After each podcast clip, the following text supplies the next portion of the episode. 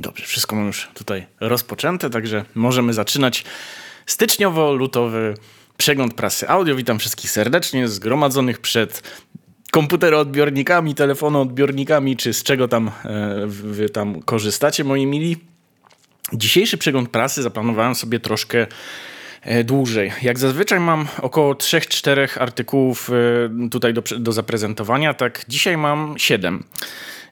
Z czego dwa będą omówione bardzo krótko, Natomiast jeden, na jeden przewidziałem tak 45 minut, być może nawet mi to zajmie godzinę. Mam nadzieję, że nie, ale no to jest taki, to jest taki kolos, ciężar i w ogóle, że no krócej się nie da a zostałem wywołany do tablicy przez autora, więc y, czuję się jakby w odpowiedzialności, żeby, żeby na to odpowiedzieć. E, więc y, to jest y, tak słowem wstępu. Jeszcze tutaj e, dwa ogłoszenia, te, takie parafialne. Tutaj macie podpięty link w, w komentarzach do do serwisu Buy Coffee 2, na którym możecie mi postawić przysłowiową kawkę złotóweczka, 5 zł, ile tam, e, ile tam chcecie, nie ma jakby wpłaty minimalnej z tego, co, e, z tego co wiem. Natomiast chciałem was e, poinformować, że BookBeat teraz, eh, BookBeat, Buy ma właśnie teraz współpracę z BookBeatem i za dowolną wpłatę na dowolnego mm, jakby użytkownika, czyli twórcę, nie tylko mnie, tak, możecie też innych twórców wspierać na tym portalu, dostajecie dostęp na 45 dni do wszystkich audiobooków na portalu BookBeat, czyli myślę, że warto. Y, tak y, po prostu z tego, z tego skorzystać. Z tego co wiem, to chyba do końca marca jest ta, y, ta promocja, ale tutaj mnie nie cytujcie w tym, także, także polecam. Druga rzecz z takich ogłoszeń, e, powiedzmy, e, powiedzmy parafialnych, jak widzę tutaj na ekranie, widzicie, że mam notatki, bo e, rzadko z tego, z tego korzystam, ale czasami po prostu trzeba, a to właśnie są notatki przygotowane do tego właśnie takiego gęstego tekstu głównie. No ale sobie też zanotowałem, żeby wspomnieć o tym, że w tym odcinku nie będzie niczego stworzonego przez pana Wojciecha Pacułę, i to nie dlatego, że nie wiem, że nie napisał nic y, rozrywkowego, powiedzmy, e, czy jakiegoś, wiecie, fajnego, takiego śmiesznego, zabawnego i tak dalej, e, ale raczej, raczej jest to pokłosie tego, co się stało właśnie po opublikowaniu mojego filmu dotyczącego retoryki w, um, używanej przez, przez właśnie takich guru jego pokroju. E, no niestety te komentarze niektóre były dosyć, e, mm, dosyć hejterskie, tak szczerze mówiąc, e, w sensie skierowane bezpośrednio do pana do pana Wojtka. Ja tutaj sprawdzę, czy. Mm, dobra, odmutowałem się, bo już się bałem, że, że nie ten. Uszanowanko wszystkich. E, dziękuję uprzejmie za, za lejeczka. E, generalnie nie chciałbym, żeby, żeby to się e, jakby zbyt mocno odbiło na zdrowiu psychicznym pana Wojtka, bo wiem, że po prostu komentarze tego typu mogą, mogą boleć człowieka i równocześnie chciałbym zaapelować do was, że żeby no nie używać jakichś, wiecie, wulgarnych słów w stosunku do tych, do, do, właśnie do, do, pana Wojtka czy, czy, czy, czy, innych, innych twórców. Wiem, że to się troszkę może wydawać, że się kłóci z tym, że wprowadziłem do słownika mojego e, słowo audiobile. Natomiast e, to jest troszkę pejoratywne, ale jak dla mnie to jest takie pieszczotliwe, powiedzmy, e, stwierdzenie. No i trzecia, trzecia rzecz już dotycząca tegoż tegoż naszego przeglądu prasy i pierwszego artykułu. Jak widzicie, oprócz e, tych notatek tutaj mam, a nie, nie widzicie, dobra. Mam przygotowany mm, rocznik właśnie audio-wideo, e, bo będziemy też sięgać. Bardzo lubię to, to źródło, już kilka razy było ono w przeglądzie prasy audio, ale myślę, że nie, nic się nie stanie, jeżeli pojawi się jeszcze raz w troszkę innym kontekście. I już właśnie mówię, dlaczego pierwszy tekst, który, mm, który będziemy czytać, pochodzi z e, portalu e, Hi-Fi Filozofii autorstwa pana Piotra Ryki. Mm, I to jest. E, tam ma być taka merytoryczna polemika z mm, filmem pana Krzysztofa Bielewicza, czyli reduktora szumu z serii E, Audiowoodu. Możecie te filmy kojarzyć. E, myślę, że jak nie oglądacie, to, to na pewno widzieliście też, e, też filmy pana Krzysztofa.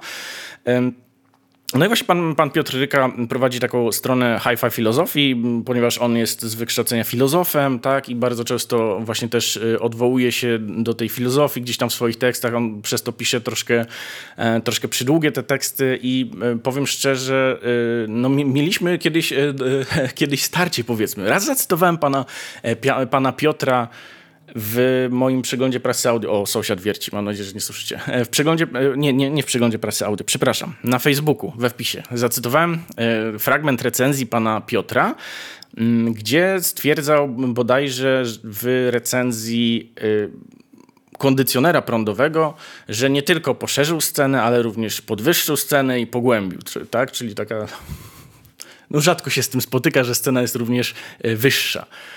No i pan Piotr po, po kilku dniach e, postanowił mi odpisać. E, no ale on ma taką manierę wypowiedzi takiej powiedziałbym, e, że wydaje mi się, że patrzy na ludzi z góry. No to ja nie, nie chcąc się wdawać w dyskusję z taką osobą, napisałem mu, ażeby się nie zesrał, co już i tak uczynił mimo wszystko na tym tutaj w tych komentarzach i jego to tak po prostu podjudziło, tak podjudziło, że postanowił o mnie wysmarować artykuł. I w tym artykule były po prostu najróżniejsze e, dziwne twierdzenia, tak? Potem, potem zresztą zadzwoniłem do pana Piotra, gdzie sobie wyjaśniliśmy kilka rzeczy. E, on finalnie miał na, napisać sprostowanie do tego artykułu, ale szczerze przyznam, że już mam ta, na to tak wywalone, że nawet nie sprawdzałem, co on tam napisał, więc nie zdziwiłbym się, jakby tam napisał e, różne dziwne rzeczy. No i wyobraźcie sobie, że właśnie, że, że pan Piotr e, chyba 2-3 dni po tym, jak e, opublikowałem ten film dotyczący retoryki, e, tak, dlaczego audiofile wierzą w cuda, e, no, napisał do mnie, wysyłając link właśnie do tego artykułu, który zaraz przedstawię, z pytaniem, czy mam odwagę go umieścić. No i wiecie, ja tak spojrzałem po prostu na ten artykuł. Szczerze przyznam, że nie lubię czytać tych artykułów i dlatego one po prostu u mnie nie goszczą. Zazwyczaj, bo one są ciężkie i tam jest dużo, dużo takich dywagacji, wie, wiecie, mało, mało takich konkretów. No ale to jest jego jakby styl pisania, mi, nie, mi osobiście nie pasuje, ale ma jakąś tam grupę czytelników, więc, e, więc e, niektórym osobom się to po prostu podoba. E, no ale zajrzałem tam i stwierdziłem, że kurczę no przecież to jest wszystko to, o czym ja w tym filmie mówiłem, więc, y, więc po co ja mam się w ogóle powtarzać? No, na co, na co pan Piotr się zdenerwował, właśnie zaczął jakieś tam swoje cudowne teorie odnośnie, kurczę, jakichś Greków, którzy tam słyszą, widzą i tak dalej. Jakieś dziwne rzeczy wkładać mi po prostu do ust y, teorie, twierdzenia, których nigdy nie wypowiedziałem. Więc y, stwierdziłem, dobra, dobra, skoro tak bardzo chcesz, to przeczytam ten artykuł na przeglądzie prasy audio i odniosę się do e, kilku rzeczy mm, w nim zawartych. Bo od razu mówię, nie da rady z, jakby przetworzyć całego tego artykułu. E, samo przygotowanie się do tego, mm, do jakby odpowiedzi na kilka, e, na kilka właśnie takich test, które tam, tam, tam powstały, zajęło mi wczoraj, no nie chcę skłamać, ale no nie tylko wczoraj to robiłem, no ale to zajęło mi łącznie chyba, nie wiem, z 10 godzin. E, więc całkiem sporo życia zmarnowałem na, na to. A i tak, tak jak mówię, no nie będę się odnosił do wielu, e, wielu test, które są tam postawione.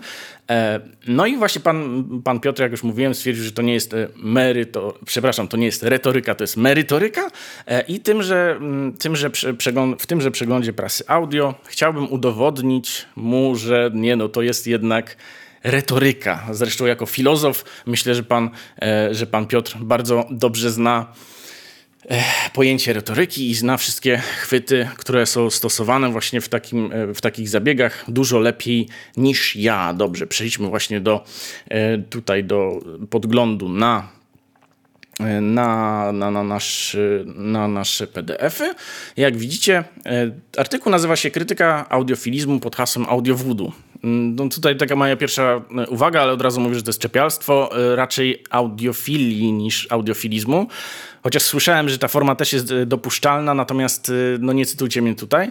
No ale jednak się mówi e, bibliofilia, a nie bibliofilizm. Mówi się mirmekofilia, a nie, a nie mirmekofilizm. No i generalnie te wszystkie filie się kończą w ten sposób, więc nie wiem dlaczego audiofilizm miał być, miałby być tutaj jakimś wyjątkiem. Ale być może jest, nie wiem, mówię, to jest, to jest takie czepialstwo z mojej strony. Tutaj słynne zdjęcie. I przejdźmy do, do wstępu, w którym to pan Piotr odwołuje się do, do tutaj pana Krzysztofa Bielewicza, jego filmu. I tak jak mówię, wydaje mi się, że to miała być taka polemika e, z tym, z tym filmem e, Audiowoodu. To jest oczywiście pierwszy odcinek ósmy pana Krzysztofa Bielewicza, znanego jako reduktor szumu. I jedziemy. Sprzęt audiofila gra świetnie, ale musi on nieustannie gonić za nowościami i musi także rywalizować z innymi. Tak samo jak on na tym punkcie zwariowanymi, a przy okazji też z nimi o sprawach sprzętowych rozprawiać specjalistycznym, znanym tylko wtajemniczonym językiem. A wszystko to dlatego, że audiofile słyszą inaczej, a zwykli ludzie normalnie. Takich audiofili pan Krzysztof lubi i nawet ich podziwia, ale niestety zdarzają się też pośród nich i nierzadko jednostki wynaturzone, ulegające cudzym sugestiom i własnej manii, jednak pan Krzysztof wie, pan Krzysztof Bielewicz wie. Ciężki wstęp, i tak naprawdę mm, bez przeczytania tego artykułu trudno z tego pierwszego E, akapitu wywnioskować właściwie o czym on będzie. No ale tutaj, tak jak już mówię, to będzie takie odnoszenie się do tych wszystkich e, cudownych akcesoriów, które pan, pan Krzysztof w tym wymienionym odcinku mm, pokazał, zademonstrował. I właśnie tutaj autor pisze dalej. Zaraz powiem od siebie. Zdawało mi się, że ataki, przynajmniej te frontalne na audiofilizm i jego adeptów z grubsza mamy za sobą i antyaudiofilska, w ogóle nienawidzę tego słowa, antyaudiofilskie, y, cząstka świata dała sobie z tym spokój. Naiwny byłem, bowiem liczenie na to, iż jedni przestaną się wywyższać nad drugich, to zawsze i wszędzie mrzonka. Przeciętny obywatel jest mniej czy bardziej świadomie skonfundowanym sobą frustratem, więc zawsze poszukiwał będzie form odreagowania. A nawet jeśli frustratem nie jest, bo w życiu mu do dobrze poszło, albo jest na konfuzję za głupi i jedno nie wyklucza drugiego, to i tak nie przypuści okazji do wywyższania. Y, co pan tutaj, Piotr, zresztą w tym, y, w tym artykule doskonale pokazuje, chociażby mm, na, w postscriptum, który też sobie pozwolę, e, pozwolę przeczytać. E, także no, to jest moim zdaniem troszkę hipokryzja, ale okej. Okay. E, do jakże apetycznego pokazania innym jesteście gorsi. Tak więc pan Krzysztof wie, a inni mu wtórują. Pan Krzysztof Bielewicz wie. I wie to z całą pewnością, gdzie leży granica pomiędzy audiofilizmem sensownym a bezsensownym, przebiegająca jego zdaniem pomiędzy sensownymi gramofonami, odtwarzaczami CD, wzmacniaczami, głośnikami i uwaga, także kablami głośnikowymi, a bezsensownymi audiofilskimi, kabli, audiofilskimi kablami zasilającymi, bezpiecznikami, filtrami kwantowymi i maściami do smarowania podzespołów elektronicznych. Nie wiem dlaczego tutaj e, pojawiła się taka właśnie uwaga przy kablach e, głośnikowych, ponieważ pan Krzysztof Bielewicz wielokrotnie wielokrotnie tłumaczył, tak, jak działają kable głośnikowe y, od tej strony elektrotechnicznej, na której, na której on się myślę, że całkiem dobrze zna. No i to jest takie właśnie, to jest takie uogólnianie, tak? Sprowadzanie y, wszystkich do jednego mianownika, no bo wiadomo, e, pan Piotr, jak i różni inni jemu podobni e, ludzie, nie jeden bój stoczyli na łamach jakichś tam forów, grup audiofilskich czy jakichś tam innych publicznych, e, publicznych miejscach. No i zazwyczaj no, po kilku takich e, dyskusjach zauważa się, że pewne, pewne rzeczy się, e, się jakby powtarzają I, to, i wtedy tworzy się taki stereotyp. My nie jesteśmy wolni od tych stereotypów. Zawsze każdy z nas w mniejszym lub większym stopniu z tych e, stereotypów korzysta. To jest taki po prostu nasz sposób widzenia świata. Mm, I tutaj właśnie widzę, widzę ten stereotyp y, i ja się z nim spotykam też no, nie pierwszy raz. Bardzo wiele osób, y, tak pisząc do mnie w komentarzach, czy w, czy, czy w mailach, czy gdzieś, tam, e, czy gdzieś tam w innej formie,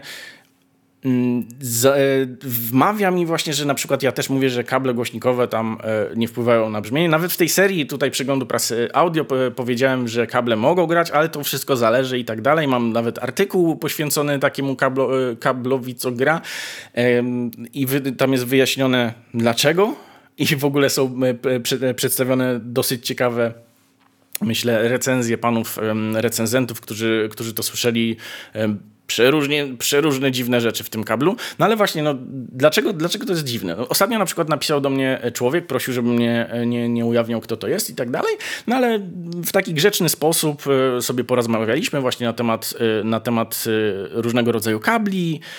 Serdecznie pozdrawiam, jeśli pan ogląda. Ale właśnie też mnie, też mnie tak zaskoczyło, że mimo tego właśnie, że, że, że, to była osoba kulturalna, tak bardzo, bardzo miło mi się z nią rozmawiało, e, to jednak e, właśnie tak włożyła mi w usta te słowa, że nie zgadzam się z panem w kwestii kabli. No i ja miałem takie, ale jakby w jakiej kwestii kabli, tak? No i potem ten pan mi wyjaśnił właśnie, że kable sygnałowe, tam głośnikowe i potem, potem zresztą też, e, przepraszam, wyciszę telefon, bo tutaj, mm, bo tutaj mi niestety e, widzę, że jacyś, e, jacyś ludzie dzwonią. No i po prostu podyskutowaliśmy sobie. Pan, ten pan zresztą przedstawił taką tezę, że prawda, że kable różnego rodzaju sygnałowe, czyli na przykład właśnie głośnikowe, czy jakieś tam interkonekty, nie tyle poprawiają brzmienie, co mniej je psują i powinny być właśnie przeźroczyste dla, dla systemu, dla brzmienia, co, co jest dosyć często przeze mnie spotykaną jakby tezą, którą, którą tutaj stawiają, stawiają właśnie audiofile, czy recenzenci, czy, czy, czy producenci nawet kabli. Mm, natomiast, natomiast zadziwiło mnie jeszcze to, że on mm, on mi wspomniał na temat y, kabli zasilających, że faktycznie nie wszędzie słychać y, właśnie wpływ kabli zasilających. Y, natomiast jeżeli się znajdzie już taki system, w którym, w którym to będzie słychać, będzie zauważalna zmiana, no to już wtedy to jest, to jest dosyć oczywiste. No ja biorąc tę logikę, zapytałem się tego pana, czy w takim razie, jeżeli kable mają nie, nie poprawiać, ale mniej psuć e, brzmienie, to czy jeżeli większość kabli zasilających w większości systemów, które, co, co pan stwierdził, mniej, mniej bezpośrednio, bym powiedział,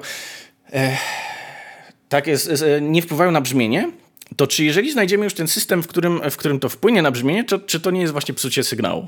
No bo to, e, to mi się wydaje tak naprawdę jedyną tak, taką sensowną, e, sensownym powodem, dla którego, dla którego kabel zasilający miałby, miałby wpływać na, na brzmienie. E, no już tutaj odpowiedzi nie, nie uzyskałem, no ale tak jak mówię, mm, bardzo miło, mi się mimo wszystko rozmawiało e, z tym panem. Natomiast e, nie lubię czytać e, tych tekstów pana Piotra i bardzo rzadko one goszczą u mnie na fanpage'u. Nie dlatego, że się boję, czy że coś tam znowu o mnie wysmaruje, jakieś głupoty, tylko po prostu nienawidzę, nienawidzę toczyć dyskusji, czy być wciąganym w jakieś dyskusje E, właśnie z ludźmi, którzy, którzy tak z góry, e, z góry patrzą. Zresztą bardzo często też, e, też ludzie mi to zarzucają, ale no ja nigdy nie mówię, że jestem ekspertem. Panowie, ja tu tylko robię sobie śmieszki. Halo. No ale dobra, lecimy dalej z tekstem. Odnośnie maści wszelakiej maści, to przypomniała mi się opowieść ciotecznej babki o tym, jak w okupowanym przez Sowietów Wilnie wysmarowano e, stolcem Komitet Rejonowy WKPB nad, w nadwyraz obelżywy antysystemowy napis kakaja właść, takaja maść. Jak więc na tym przykładzie widać, z maściami kłopoty są nie od dzisiaj i sam ich obecnie doświadczam. Po, przyznać bowiem muszę, że o tych maściach do elektroniki wcześniej nie słyszałem. Zakładam jednak, że pan Krzysztof wie o czym mówi i maści takie faktycznie gdzieś są oferowane. Nie znając ich, muszę się od opiniowania o, o nich grzeczniutko odżegnać. Nasuwa się jednak w tym miejscu pewna analogia do mas bitumicznych, którymi ponoć z powodzeniem tłumiono zaburzający dźwięk drgania w urządzeniach elektronicznych, szczególnie w dawnych e, leciutkich odtwarzaczach. Mm. I tutaj e, chciałbym się zatrzymać i odnieść się do tego, e, co mówi, co mówi pan Piotr. W pierwszym fragmencie mówi o tym, że nie ma pojęcia mm, właśnie o jakich maściach mowa. Myślę, że ci z was, którzy śledzą, e, śledzą tutaj pana Krzysztofa, wiedzą, że kiedyś była oferowana i tutaj od razu panu, panu Piotrowi wyjaśniam. Kiedyś faktycznie była oferowana taka maść do tranzystorów, która miała zrobić niby e, lampowe brzmienie. Jednak to było bardzo dawno i ta, e, ta maść została już wycofana, jej nie da się już kupić i wydaje mi się, że to po prostu dlatego, że nawet właśnie dla ludzi, którzy byli targetem marketingowym tegoż, tegoż cuda. Po prostu wydawało się to zbyt y, odklejone, żeby, żeby tak po prostu e, z marszu po prostu sobie smarować jakieś tam tranzystory. I tutaj druga rzecz, e, zauważcie, że te maści do tranzystorów, które właśnie pan Piotr mówi, że nie za bardzo wie, jak działają, zostały porównane do e, mas bitumicznych, którymi ponoć z powodzeniem tłumiono zaburzające dźwięk drgania w urządzeniach elektronicznych, szczególnie w dawniutkich, leciutkich odtwarzaczach. I teraz tak, wnioskuję, że chodzi o odtwarzacze płyt CD. I nie podoba mi się to, że tutaj zostało tak e, jako bezwzględna prawda przedstawione twierdzenie, że e, drgania zaburzają dźwięk w urządzeniach elektronicznych. I sobie pozwoliłem tutaj właśnie zaznaczyć dwa fragmenty w e, audio-wideo z akurat roczników, w których te, te odtwarzacze CD były jeszcze zupełną nowością. I tutaj trafiłem na taki bardzo ciekawy Bardzo ciekawy fragment dotyczący oceny jakości. Dyskofon CD spełnia z nadmiarem wymagania sprecyzowane w normach HiFi. Co więcej, wszystkie modele, nie, niezależnie od producenta, charakteryzują się bardzo dobrymi podstawowymi parametrami elektroakustycznymi itd. Tak itd. Tak I, I tutaj mm, jest napisane odnośnie oversamplingu, ale również e, tego, w jakich e, kryteriach oceniano właśnie w tamtych latach e, płyty, no, przepraszam, odtwarzacze pierwsze CD. I tutaj jest wspomniane wspomniane, tutaj staram się to znaleźć e, tak na szybko, e, też do, e, właśnie te takie twierdzenia dotyczące dotyczące drgań. Mm, tutaj widzę przeszkoda w postaci plamki, da, da, da, da. wrażliwość na wstrząsy. Okazała się słabą stroną modeli prawie wszystkich producentów. Jedynie trzy modele Philipsa oraz model Maranca przestały, e, przeszły testy bez zastrzeżeń. E, no i dobrze. I, I, z tego można wywnioskować, że faktycznie drgania e, zaburzają, mm, zaburzają jakby brzmienie odtwarzaczy CD, jednak należy wziąć pod uwagę kontekst czasowy, kiedy to było pisane. To były pierwsze odtwarzacze CD, które po prostu jak zostały poddane zbyt dużym drganiom, to gubiły ścieżkę i przestawały odtwarzać płytę albo się zacinały. Tak, działy się rzeczy niestworzone, mówiąc krótko. I żeby tutaj, i żeby tutaj się odnieść jeszcze właśnie do tego, czy te wstrząsy faktycznie yy, prawda, działają w jakiś sposób brzmieniowy na e, na odtwarzacze CD. Postanowiłem przytoczyć fragment, który już kiedyś był przytaczany e, przeze mnie E, przeze mnie w innym przeglądzie prasy audio, e, który to cytat mm, pochodzi również z e, z magazynu audio-wideo. Mm, nie pamiętam, który, który to był rocznik. Wydaje mi się, że jest to rocznik 92. W poprzednim mm, w poprzednim egzemplarzu tego, poprzedzającym e, właśnie tutaj to sprostowanie, mm, autor napisał o właśnie jakichś tam zielonych flamastrach, które, mm, które mają błądzący laser gdzieś tam, e, gdzieś tam powstrzymywać w tym wnętrzu płyty i tak dalej, i tak dalej. No i tutaj chyba, mm, jeśli dobrze, dobrze kojarzę, to pan Jerzy no, e, jest chyba, jest, był chyba wtedy redaktorem naczelnym. No cóż, postanowiły po prostu sprostować to co, to, co było napisane. W numerze 492 naszego pisma zamieściliśmy artykuł pod, e, pod tytułem Błądząca podczerwień, omawiający zakłócenia i zniekształcenia wierności odtwarzania płyt kompaktowych, których powodem może być wytwarzanie, e, wytwarzanie się wewnątrz przeźroczystej masy płyty, pasożytniczego promieniowania podczerwonego błądzącego. No i tutaj jest właśnie sprostowane to, że nic takiego w obiektywny sposób nie stwierdzono. W ogóle czytelnik do nich napisał, napisał oburzony, że takie, że takie bzdury się wpisuje prawda, w tak szanowanym czasopiśmie. Tutaj widzę, że już, już że to jest e, prawdopodobnie 93 rocznik jednak. E, ale druga, drugi fragment dotyczy właśnie dokładnie drgań w odtwarzaczach CD. Jeden z ciekawszych artykułów, zamieszczony w piśmie Stereo Review July 1991, nadesłał do redakcji nasz czytelnik pan e, W. Zalecki z tych. Dziękujemy. W artykule omówiono metody i rozwiązania mające poprawić jakość odtwarzanego dźwięku, a następnie opisano metody i wyniki badań ich skuteczności. Badania przeprowadzono przy użyciu, przy użyciu odtwarzacza firmy Philips typu CD80, mającego dwa wyjścia, sygnału cyfrowego i sygnału analogowego oraz wysokiej klasy aparatury pomiarowej wraz z 16-bitowym konwerterem cyfrowo-analogowym i komputerem Macintosh 2. Badania porównawcze sygnałów cyfrowych przed i po zastosowaniu akcesoriów doskonalących dźwięk przeprowadzono dla każdego bitu informacji. Nie stwierdzono żadnych zmian w sygnale cyfrowym. Przeprowadzono również dokładne badania porównawcze sygnałów analogowych i w tym przypadku w normalnych warunkach odtwarzania nie stwierdzono zmian w sygnale. Przeprowadzono również badania wpływu wibracji na wierność odtwarzania. Płytę poddano wibracji wykorzystując przebieg prostokątny o częstotliwości rezonansowej odtwarzacza równej 82 Hz i poziomie przebiegu prostokątnego równym 120 dB. 120 dB, czyli to są takie warunki, które e, raczej w normalnym odsłuchu nie są możliwe do osiągnięcia. Chyba, że ktoś e, jest naprawdę już ma porządne ubytki słuchu. No ale czytamy dalej. W tym badaniu nie stwierdzono zmian w sygnale cyfrowym, natomiast w sygnale analogowym stwierdzono nieznaczny wzrost zakłóceń harmonicznych, ale na poziomie znacznie niższym od tego, jaki może być y, usłyszany, odczuwany przez ucho. Nieznaczne zmiany w sygnale analogowym powstają, jak stwierdzono, w związku ze zjawiskiem mikrofalowania będącego skutkiem bardzo silnych wibracji w analogowej części układu elektronicznego odtwarzacza, a nie na wskutek wibracji samej płyty, stanowiącej zwykle około 10% całego układu elektronicznego. Są to jednak warunki pracy odtwarzacza znacznie odbiegające od normalnych. Także e, tutaj pan, pan to przedstawia właśnie po takim przy, przydługawym, powiedziałbym, wstępie, że, e, że to jest taki, e, to jest taka prawda w ogóle, z tym się nie dyskutuje, E, natomiast no to już e, pierwszy, mm, pierwsza, pierwsze powiedziałbym potknięcie się. E, dalej czytamy w tym tekście tak. A przeto nie wydaje się całkiem wykluczone, iż pokryty gęstą swoje ważącą substancją układ elektroniczny generował będzie mniej błędów. Przy czym błędy generują zawsze, tyle że na, nie na tyle istotne, by go producent przy se selekcji końcowej wywalił. Tak przy okazji to jak już niejednokrotnie pisałem, podczas odtwarzania płyty CD powstaje od kilkudziesięciu do kilkuset błędów odczytu na sekundę.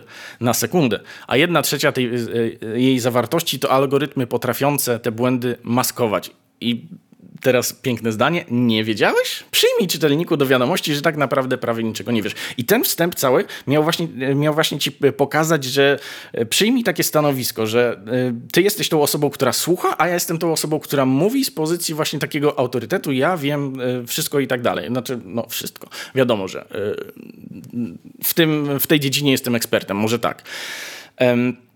Nie wiem skąd pan wziął dane dotyczące właśnie mm, tej ilości błędów, które powstają przy odtwarzaniu płyty CD. Y, i że powstaje od kilkudziesięciu do kilkuset błędów odczytu na sekundę. Chciałbym zobaczyć źródło tego, tego twierdzenia, bo wydaje mi się, aczkolwiek no nie sprawdziłem tutaj w Redbooku, bo no tak jak mówię, no za mało czasu e, było. Wydaje mi się, że to, e, że to jest jakby maksymalny dopuszczalny limit, e, z którym sobie poradzi algorytm właśnie poprawiający tutaj mm, odczyt. I dalsze zdanie. Tak więc elektronika błędami może nie aż stoi, ale okazuje się być nimi naszpikowana taka już jej mikroskopowa, kwantowa, solidnie zaszumiona natura. I skoro już przy tym jesteśmy, to wspomnę jeszcze o tym, jakie to kiedyś toczono radosne beki z tak zwanego jittera. I mędrcy wszelakiej postaci, od redaktorów radiowych po inżynierów, dawali sobie rękę uciąć, że dźwięku cyfrowego z płyty CD nie da się odróżnić od analogowego, ponieważ z ogromnym zapasem przekracza widmo akustyczne ludzkiego słuchu. Widmo akustyczne ludzkiego słuchu. Chodzi o zakres słuchu. Tak więc Ed Meitner, który z tym jitterem wyskoczył, to oszołom. Mądrale nie wiedzieli, że to on opracowywał zapisy CD i Super Audio CD. Więc jaki tam znowu jitter? Niczego takiego nie ma. Finał historii jest znany. E, zobaczcie, że tutaj jest takie, mm, to jest kolejny zabieg retoryczny, który jest bardzo nieładny. Mianowicie pan, pan Piotr tutaj buduje, mm, buduje taką anegdotę e, i powołuje się na, na takie właśnie na fakt, który jest znany e, jakby pewnej grupie e, osób, tutaj właśnie grupie odbiorców, bo faktycznie w tej grupie audiofilii krąży takie, taki mit, nie wiem skąd on się wziął, że e, o Jitterze tak naprawdę, nie, tak naprawdę nie wiedziano do tam któregoś roku, bo tutaj właśnie pan jakiś wyskoczył i, i stwierdził, że o, ale Jitter. I tak się składa, że przeszukałem właśnie te roczniki, które tutaj posiadam e, w poszukiwaniu informacji o Jitterze. I nie zgadniecie. Numer trzeci z roku 86, czyli chyba całkiem dawno. E, I wyobraźcie sobie, że, tutaj są e, różnego rodzaju artykuły dotyczące właśnie tego, jak zapis cyfrowy działa, jakie są właśnie jego mm, problemy, mm, jakieś takie, mm, jakieś takie ograniczenia. I tutaj jest artykuł dotyczący proszę Państwa, zapisu na magnetofonie cyfrowym. Błędy magnetycznego zapisu dźwiękowego sygnału cyfr, cyfrowego. I to jest artykuł pana doktora inżyniera Bogdana Kulesze. E, I tutaj pokażę Wam to, nie wiem czy będzie, nie, czy, czy, czy będzie widać, jest taki, jest taki bardzo ładny e, schemacik tutaj, który przedstawia, już Państwu czytam, margines fluktuacji bitów w czasie. Czymże jest margines fluktuacji bitów? Ja, znaczy ja wiem, że to jest y, odnośnie magnetofonu cyfrowego, jednak wydaje mi się, że magnetofon cyfrowy miał dużo większe problemy z utrzymaniem stałej prędkości odtwarzania niż, y, niż ma właśnie zegar z taką z taką synchronizacją tutaj, mm, tutaj pracy urządzeń. I tam już wiedziano, że taki, takie coś właśnie jak błędy synchronizacji, czyli ten niesławny jitter istniał. I teraz chciałbym usłyszeć, jak to jest właśnie, że ludzie toczyli bekę? No, w sensie skąd ta informacja w ogóle pochodzi? To jest znowu takie coś wzięte, y, wzięte jako pewnik, że tak jest, tak było i w, i w ogóle słuchaj, nawet tego nie sprawdzaj, nie?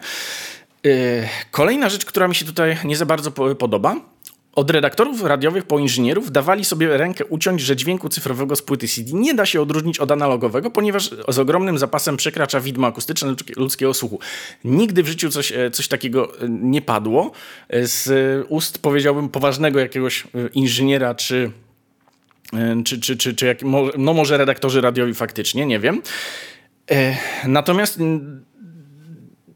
Wydaje mi się, że wiem skąd się wzięło właśnie to twierdzenie, ponieważ, mm, ponieważ y, właśnie dźwięk cyfrowy od początku jakby właśnie było mówione, że on będzie lepszy od tego analogowego, ponieważ on będzie pozbawiony szumów własnych nośnika, nie będzie wprowadzał, także to było takie wielkie wow. Czyli jakby z założenia już przy projektowaniu płyty CD, przy projektowaniu tego nośnika cyfrowego było powiedziane, że on nie, nie będzie mm, nie do odróżnienia, ale y, będzie inny, czystszy, tak? Będzie miał większą dynamikę, separację kanałów, tak? Czyli przez to lepsza stereofonia, właśnie ta szersza scena, może, może głębsza albo wyższa, jakkolwiek zwał, tak zwał. I tutaj, I tutaj kolejna rzecz, która mi nie pasuje. Z ogromnym zapasem przekracza widmo akustyczne ludzkiego słuchu, yy, mówiąc o płycie CD. Nie. nie. Po prostu nie. Yy, to nośniki analogowe to albumy właśnie zarejestrowane jeszcze w tej, e, w tej technice analogowej często zawierają sygnał, który jest powyżej właśnie tego, tej górnej granicy e, słyszenia. I możemy to, doskonałym przykładem takiej płyty jest album Tubular Bells pana Mike'a Oldfielda, w którym to, pewnie znacie tę historię, w którym to jest zapisany właśnie na tym oryginalnym e, nośniku e, sygnał radia binarnego, e, który można to nawet odtworzyć, prawda? Wystarczy w jakimś tam programie sobie obniżyć to i będziecie mieli, że tak powiem, do postaci słyszalnej sprowadzone. W reedycjach niektórych przynajmniej zostało to usunięte, no bo jest to sygnał jakby no, tak niepotrzebny. To jest raczej taka właśnie, taka właśnie ciekawostka. Także mm, tutaj, jeżeli mówimy o sygnale cyfrowym i o zapisywaniu, e, prawda, przy sygnale cyfrowym, to z góry, e, z góry musiano określić właśnie, jaka będzie częstotliwość e, górna przetwarzana i tutaj przyjęto te 20 tysięcy herców, dlatego też to wynika z stwierdzenia kontrolnika Shannona. 44,1 mm, mamy tutaj kiloherców na płycie CD, ponieważ to musi być w jedną stronę 20 i w drugą stronę 20, że tak powiem, a te 4,1 to jest jeszcze e, to jest jeszcze właśnie taki zapas na, na przykład na szum kwantyzacji, który się po prostu przenosi do, do tegoż, do tegoż e, zakresu, jeśli, jeśli dobrze mówię, jeśli nie, to mnie proszę tutaj poprawić czytam teraz, czytam teraz komentarze. Nie rozumiem obaw o e, obrażanie ludzi robiących artykuły na temat e, poszerzania sceny po podłączeniu audiofilskiego przełącznika sieciowego. Przecież fizyka dyktuje nam stwierdzenie, że taka osoba jest po prostu oszustem, starającym się wyłudzić pieniądze w porozumieniu z producentem e, tego sprzętu. Macieju, wydaje mi się, że oni to robią, bo oni w to wierzą. Oni w to szczerze wierzą, naprawdę. Więc czy to jest oszustwo? Nie wiem, nie wiem. Na pewno to jest pewnego rodzaju taka kryptoreklama, e, te, tego typu artykuły, także no... Trudno powiedzieć tutaj, że to, jest, e, że to jest właśnie jakieś oszustwo. Szanuję, że, mnie, że mimo niedawnej premiery filmu i nominacji do Oscara znajdziesz czas, znajdziesz czas na streamy.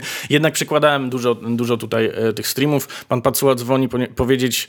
Um, że nie po to się zrywał na kacu, żebyś go teraz olał. O, nie, nie, nie no spokojnie. Będzie coś z High Fidelity, ale e, do, do wszystkiego przejdziemy, e, przejdziemy powoli. Mm, tutaj bardzo kiepsko mi się wyświetlają wasze komentarze, także przepraszam, nie będę, nie będę ich śledził na bieżąco. Postaram się może tutaj na telefonie, ale to zobaczymy. Także druga e, teza, taka wzięta za pewnik pana Piotra, po prostu pada. A to jest dopiero jakby budowanie wstępu do tego, co on tak naprawdę chce powiedzieć właśnie, że, że w tej cyfrowej elektronice, przepraszam, w elektronice, tak, są różne błędy, szumy i tak dalej. I tutaj padło już słowo kluczowe, kwantowe. Otóż pan Piotr e, jest jednym, jedną z osób, która, mm, która kiedyś pisała o właśnie takim filtrze kwantowym e, Bybee, jeśli dobrze, e, dobrze kojarzę, ponieważ testował, testował chyba przedwzmacniacz słuchawkowy, czy jakiś tam wzmacniacz, który taki filtr posiadał. Co prawda nie porównał go do mm, wersji bez tego filtra, ale o czym tutaj zaraz, zaraz wspomni, ale stąd po prostu się wziął taki ogromny ogromny na cześć tego tekstu, że o Jezu. Także przejdźmy do tego może, nie będę tutaj was zagadywał. Faktem, co prawda, faktem, ciekawe, Pozostaje na przykład, y, że takie AccuFace umieszcza swoje elektroniczne obwody na płytach antywibracyjnych i antystatycznych ze specjalnego szkła. Tym samym wydaje się, iż w mierze, w mierze tłumienia wibracji podzespołów elektronicznych rzeczywiście coś pozostaje do zrobienia. Elektronika wojskowa nie korzysta z rozwiązań ogólnodostępnych wcale. Okej, okay, AccuFace faktycznie, faktycznie może montować y, prawda, elektroniczne obwody na takich płytach, natomiast nie wiem skąd to wtrącenie o elektronice wojskowej. Nie mam pojęcia. To jest troszkę tak z czapy. Tak nawiasem, pisze dalej pan Piotr, to samo odnosi się do płynącego w elektronicznych obwodach prądu, jako że e, wspomniane już AccuFace szczyci się wyższym, wyższymi napięciami w swoich, dzięki czemu udało mu się podobno zmniejszyć ogólną ilość błędów e, i zwiększyć odstęp szumu od sygnału, co deklarowane jest jako najbardziej, jak najbardziej mierzalne. To jednak e, z pewnością nie zainteresuje pana Krzysztofa, wyznając jego zasady. Każdy prąd równie dobry, by, byle ze ściany wypłynął. E, to jest wkładanie znowu słów e, w jakimś dziwnym kontekście do pana Krzysztofa. E, okej, okay. jeśli chodzi właśnie o mm, wyższe napięcia w, w obwodach, to faktycznie AccuFace jeśli dobrze kojarzę, to również Luxman robi coś takiego i to jest po prostu no kurczę, to jest właśnie y, sposób projektowania, tak? On z czegoś wynika, on wynika na, na przykład z, z, tego, jakie brzmienie chce uzyskać producent tej, tej... O Jezu, mam nadzieję, że wy nie ugłusiliście. Przepraszam.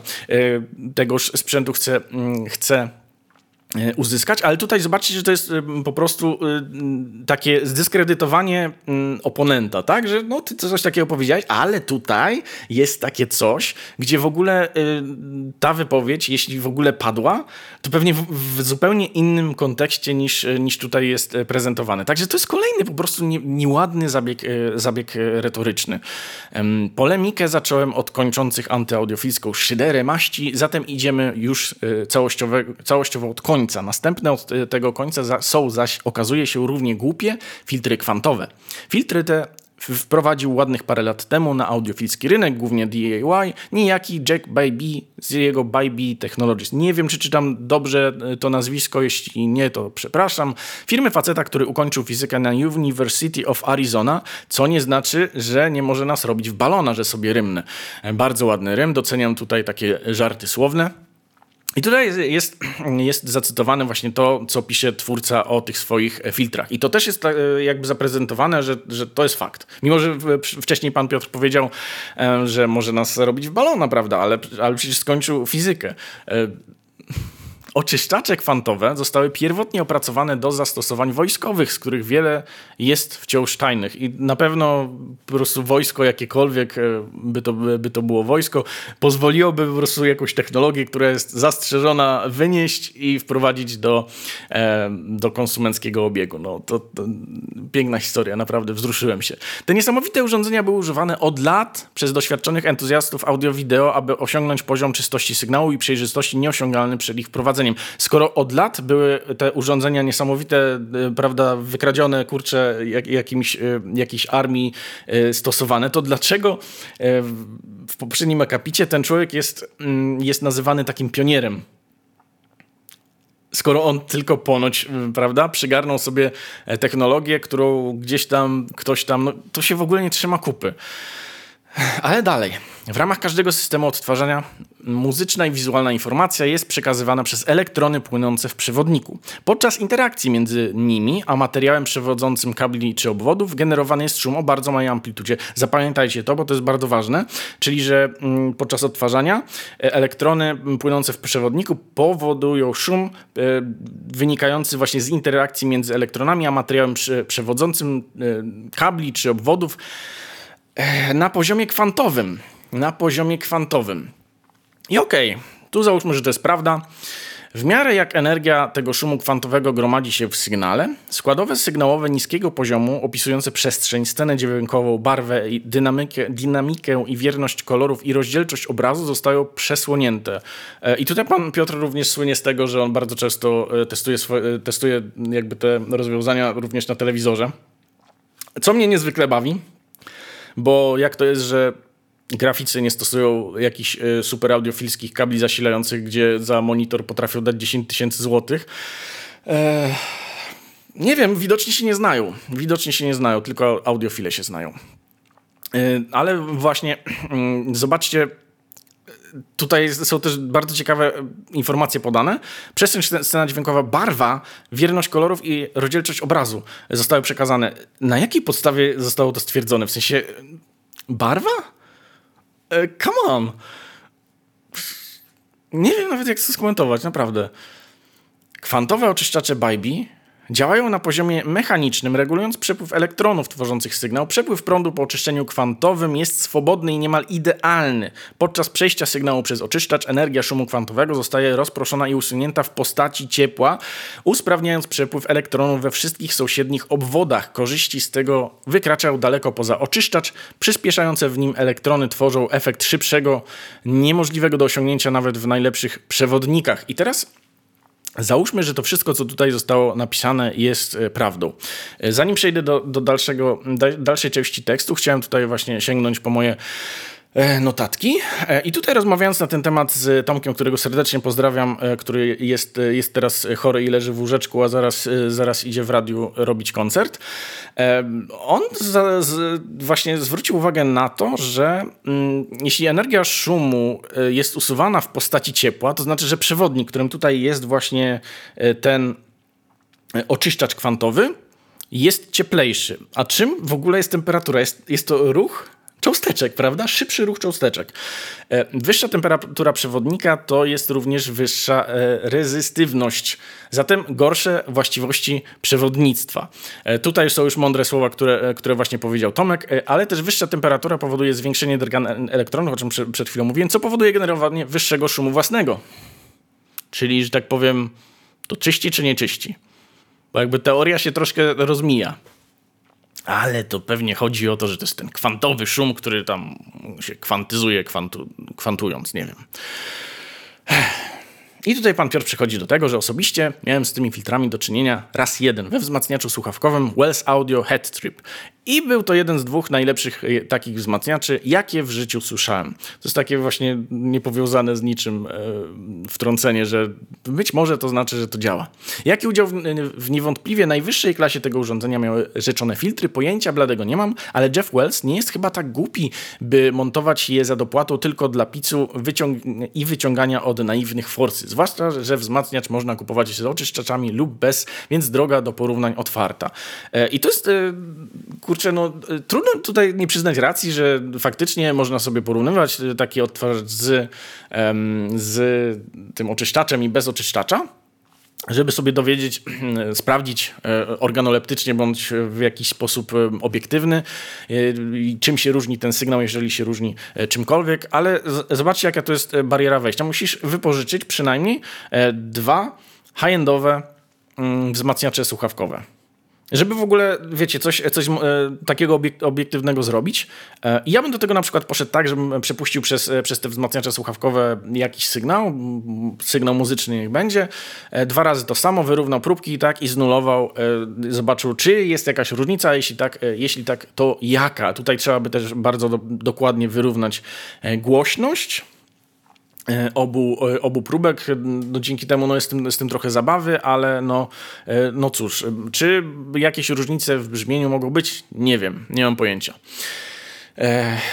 Być może, wiecie, są jakieś różnice między egzemplarzami, no to też jest trudno, y, trudno stwierdzić. Tam są różne elementy, które mogą mieć różną tolerancję na parametry i tak dalej, i tak dalej. Więc to jest, to jest dosyć skomplikowane, ale no to nie jest dowód na to, że, że wiecie, że te filtry kwantowe działają. Natomiast to jest, to jest właśnie tak, tak to wszystko prze, przekazane, tak?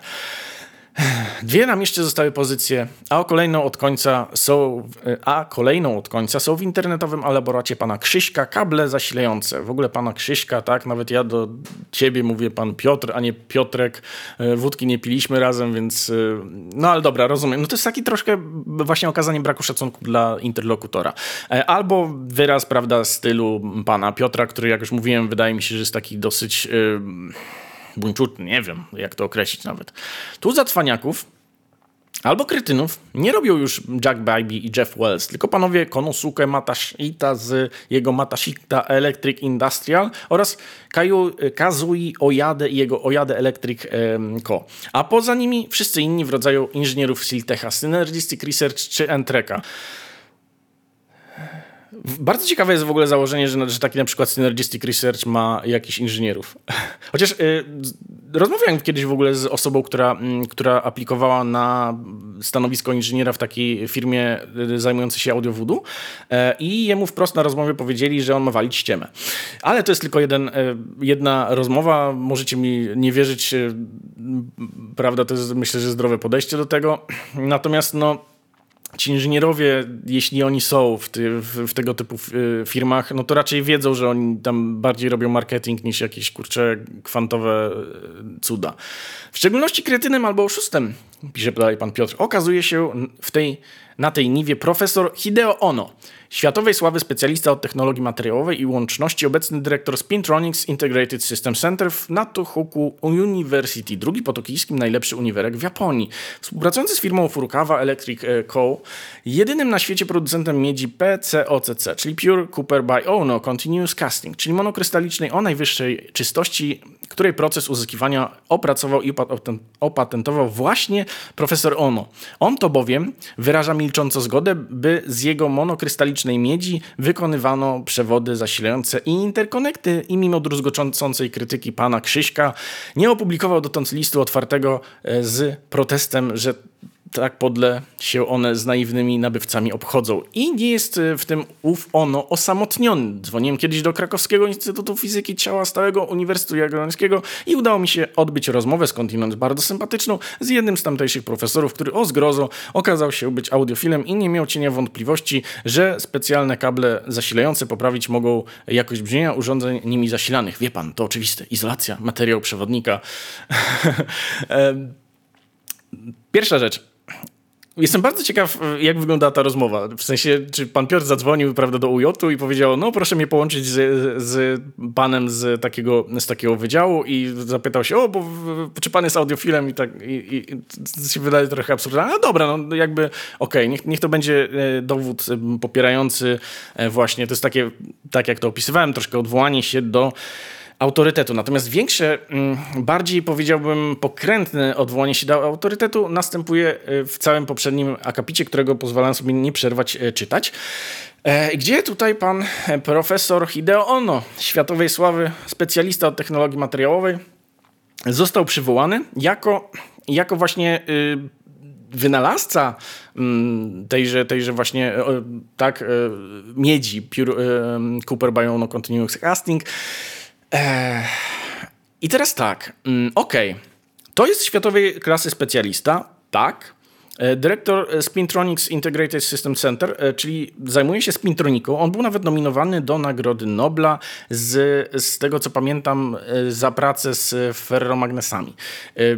I okej, okay, no to jest budowanie takiego solidnego naprawdę poparcia, że ten człowiek wie, co mówi. Problem w tym, że nie wiemy, co on mówi.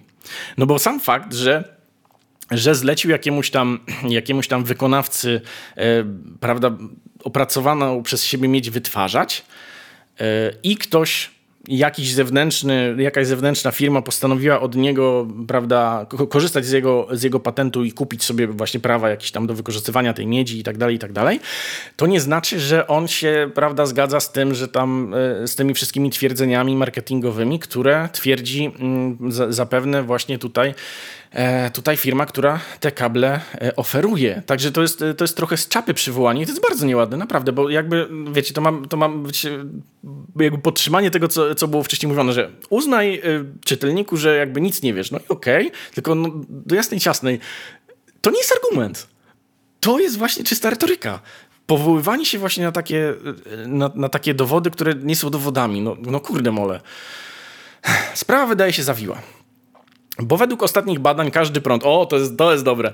Także więc naprzemienny tworzy swoisty łańcuch błyskawicznego przemieszczania energii, w jego przypadku w tej weftę, bez przemieszczania samych elektronów, bezruchowo, jak wahadle Newtona. Zatem naczynia połączone, więc jeśli któreś ogniwo słabsze, to jak całościowa poprawa. E, wiecie na jakie badania się tutaj pan y, Piotr odwołuje? Ostatnie badania, każdy prąd y, tak tworzy swoisty łańcuch błyskawicznego. Na filmik na YouTubie. Nie kłamie, naprawdę, bo y, w tamtym roku został, został wydany y, taki film, który, który potem właśnie w środowisku audiofilskim y, był bardzo szeroko jakby udostępniany jako właśnie dowód na to, że o, nie wszystko jeszcze wiemy i tak dalej, i tak dalej, e, który przedstawiał właśnie zasadę działania, e, zasadę działania prądu e, elektrycznego i to jakby to nie jest odkrycie, to, to nie jest nowa, nowa wiedza. Jakby ludzie, którzy się tym zajmują, mają naprawdę ogromną wiedzę od samego początku, jak, jak to działa. I nie, nikt nigdy nie myślał, że jest jakby, jest jakby inaczej. E, więc to jest e, kolejne, powiedziałbym, z czapy. I w ogóle wiecie, no, powołujesz się na badania i się. Pokaż te badania, tak? Jakieś źródło, chociażby gdzie to znaleźć. I wiecie, jakby powiedział, że to jest filmik na YouTubie, to nagle ranga tego argumentu drastycznie by spadła. Nie sądzicie? No właśnie. Mam zadanie dla pana Krzyśka. Pisze dalej pan Piotr. Pożyczy pan wysokiej jakości zasilający kabel i podłączy nim telewizor. O, mówiłem, telewizor. Oczy, nie uszy będą sędzią i sam się pan przekona, że obraz się przemieni. Trzeba będzie e, przeregulować, co wcale nie oznacza, że zrobi się od tego lepszy, bo prawdopodobnie się przyjaskrawi i lepszym stanie dopiero po dostrojeniu, pisze pan Piotr.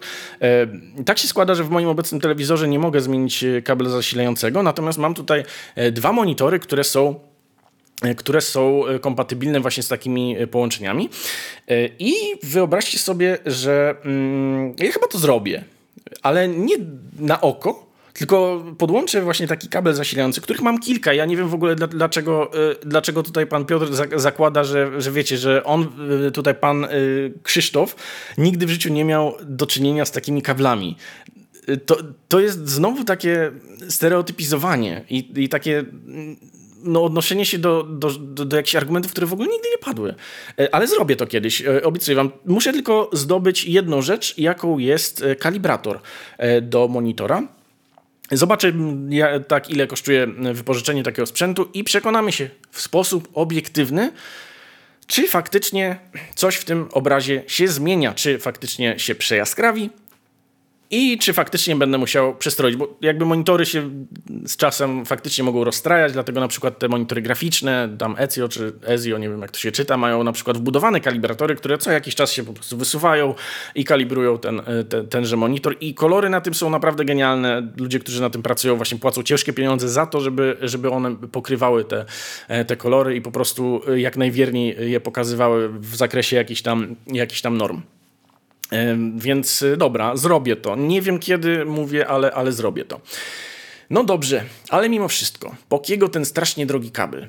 Może sięgnijmy na początek po analogię, analogia to też jest takie dosyć nieładne. I wyobraźmy sobie kogoś, kto podparł się pod boki do wszystkich razem, a pana Krzyśka szczególnie ozwał się w takie słowa: po cholerę lepsze kolumny. To zawracanie głowy. Jak może być z różnych kolumn dźwięk o różnej jakości w sytuacji, gdy w danym torze sygnał płynie do każdej podłączonej od tej samej aparatury i tymi samymi kablami? Więc jeśli tylko dana kolumna pasuje do wzmacniacza mocą i pasmo ludzkiego słuchu pokrywa, choć z niewielkim zapasem, to podany jej sygnał o zadanej jakości przetworzy tworzy w sygnał akustyczny, a o analogicznej jakości i mocy. Wszak jakość ta się wcześniej ustaliła i teraz furda wygłupy z cudownymi tubami, membranami, wstęgami i akustycznymi komorami. Sygnał to sygnał. Płynie przez druty, a potem draga membrana, powstaje fala akustyczna.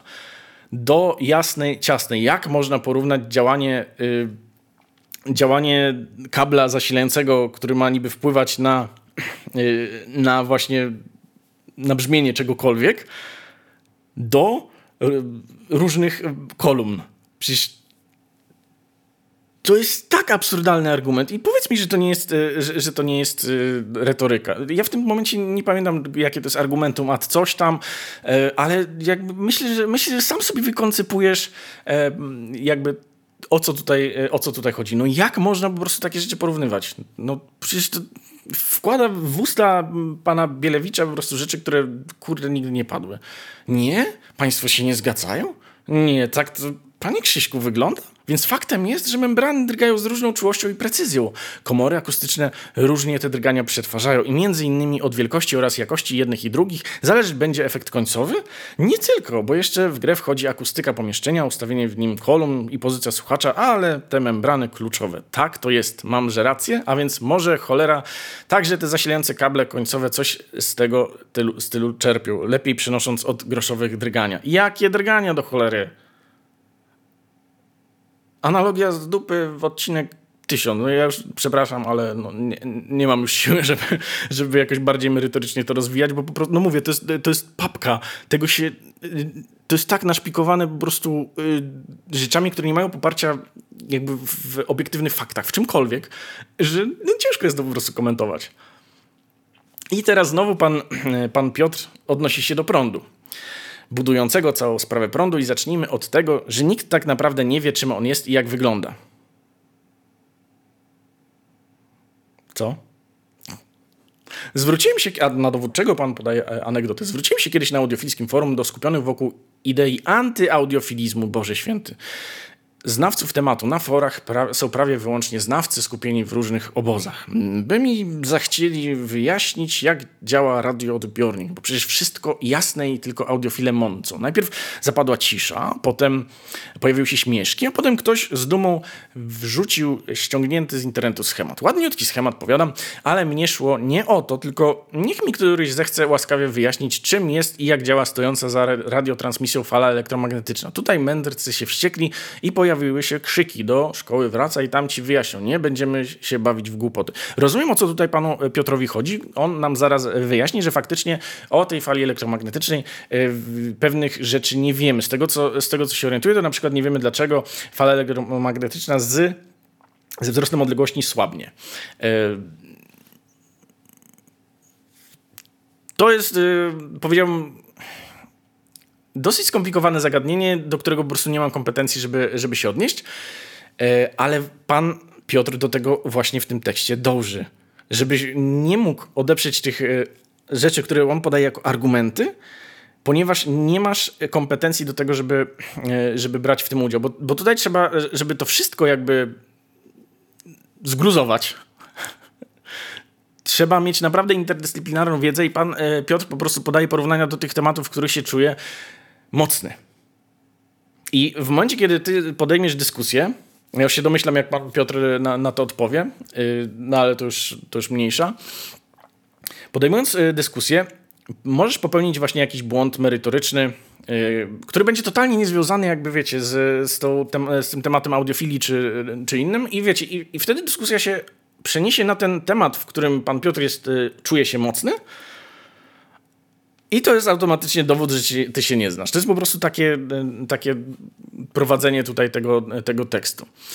Sęk tym, w tym, drogi czytelniku, że sens i źródło istnienia elektromagnetyzmu to tylko trochę wyjaśniona sprawa. Są oczywiście równania Maxwella.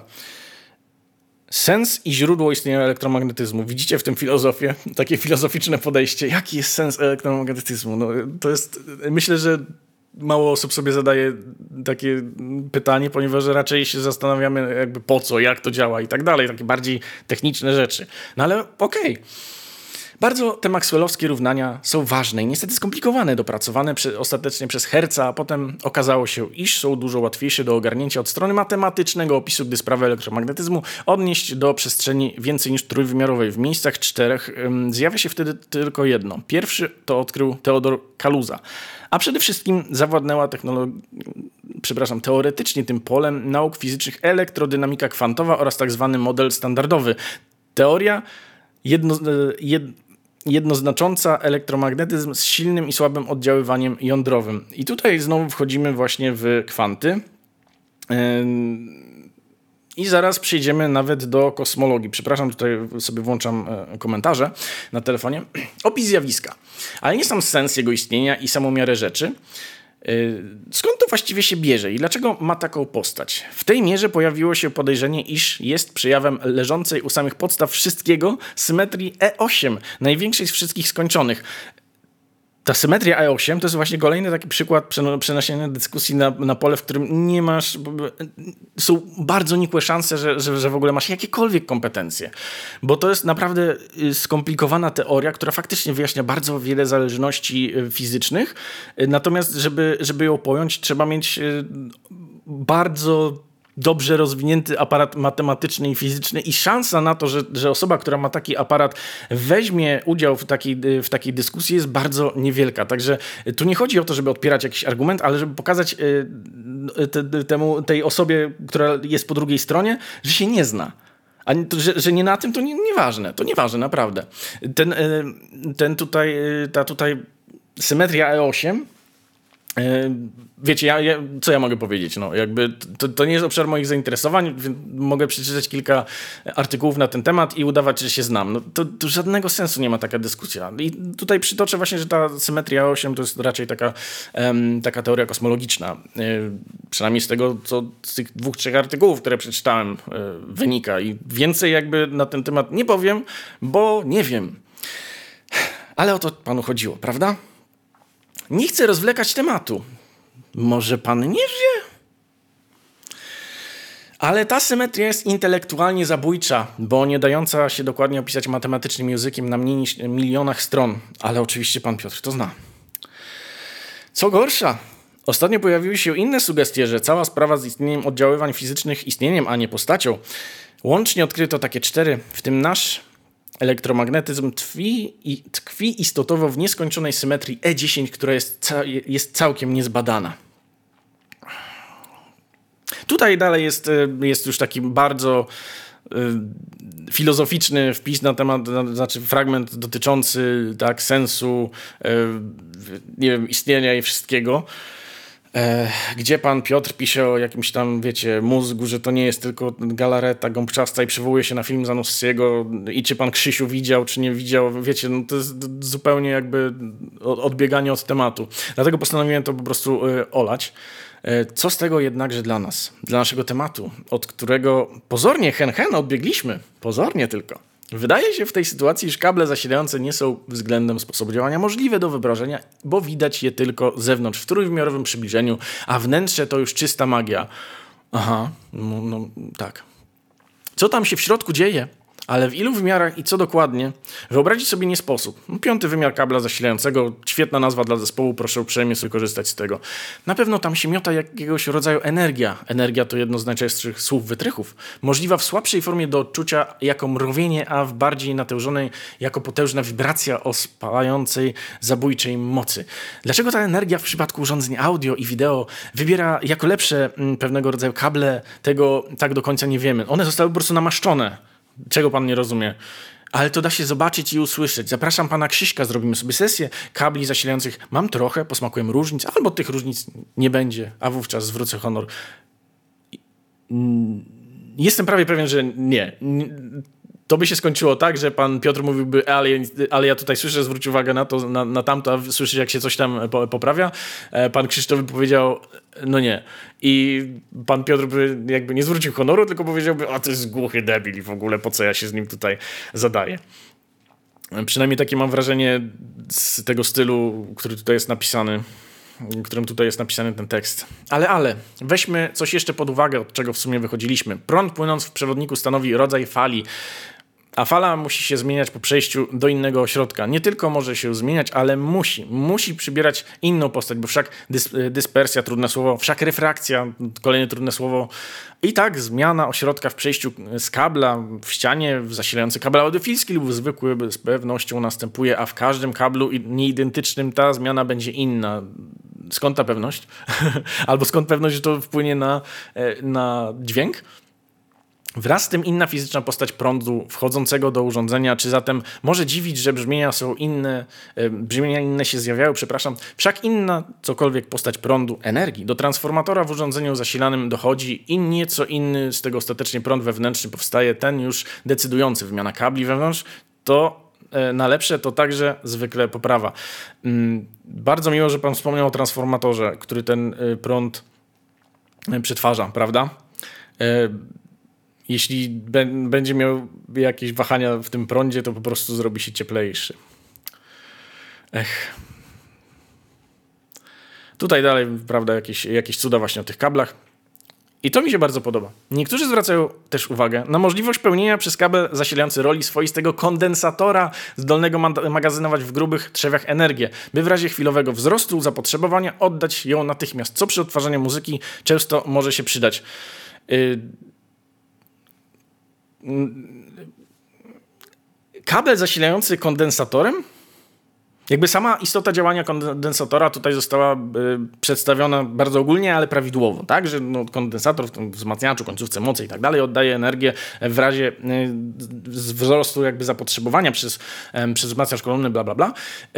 I po prostu oddaje. Ale na jakiej podstawie w ogóle jest twierdzenie, że kabel zasilający jest kondensatorem. I tutaj zauważcie, że to jest tak bardzo sprytnie e, prze, przemycone, bo to nie jest to, że pan Piotr tak twierdzi, tylko on tylko cytuje jakieś osoby, które taką tezę prawda, postawiły. Być może szaloną, być może nie, oceń, oceń czytelniku.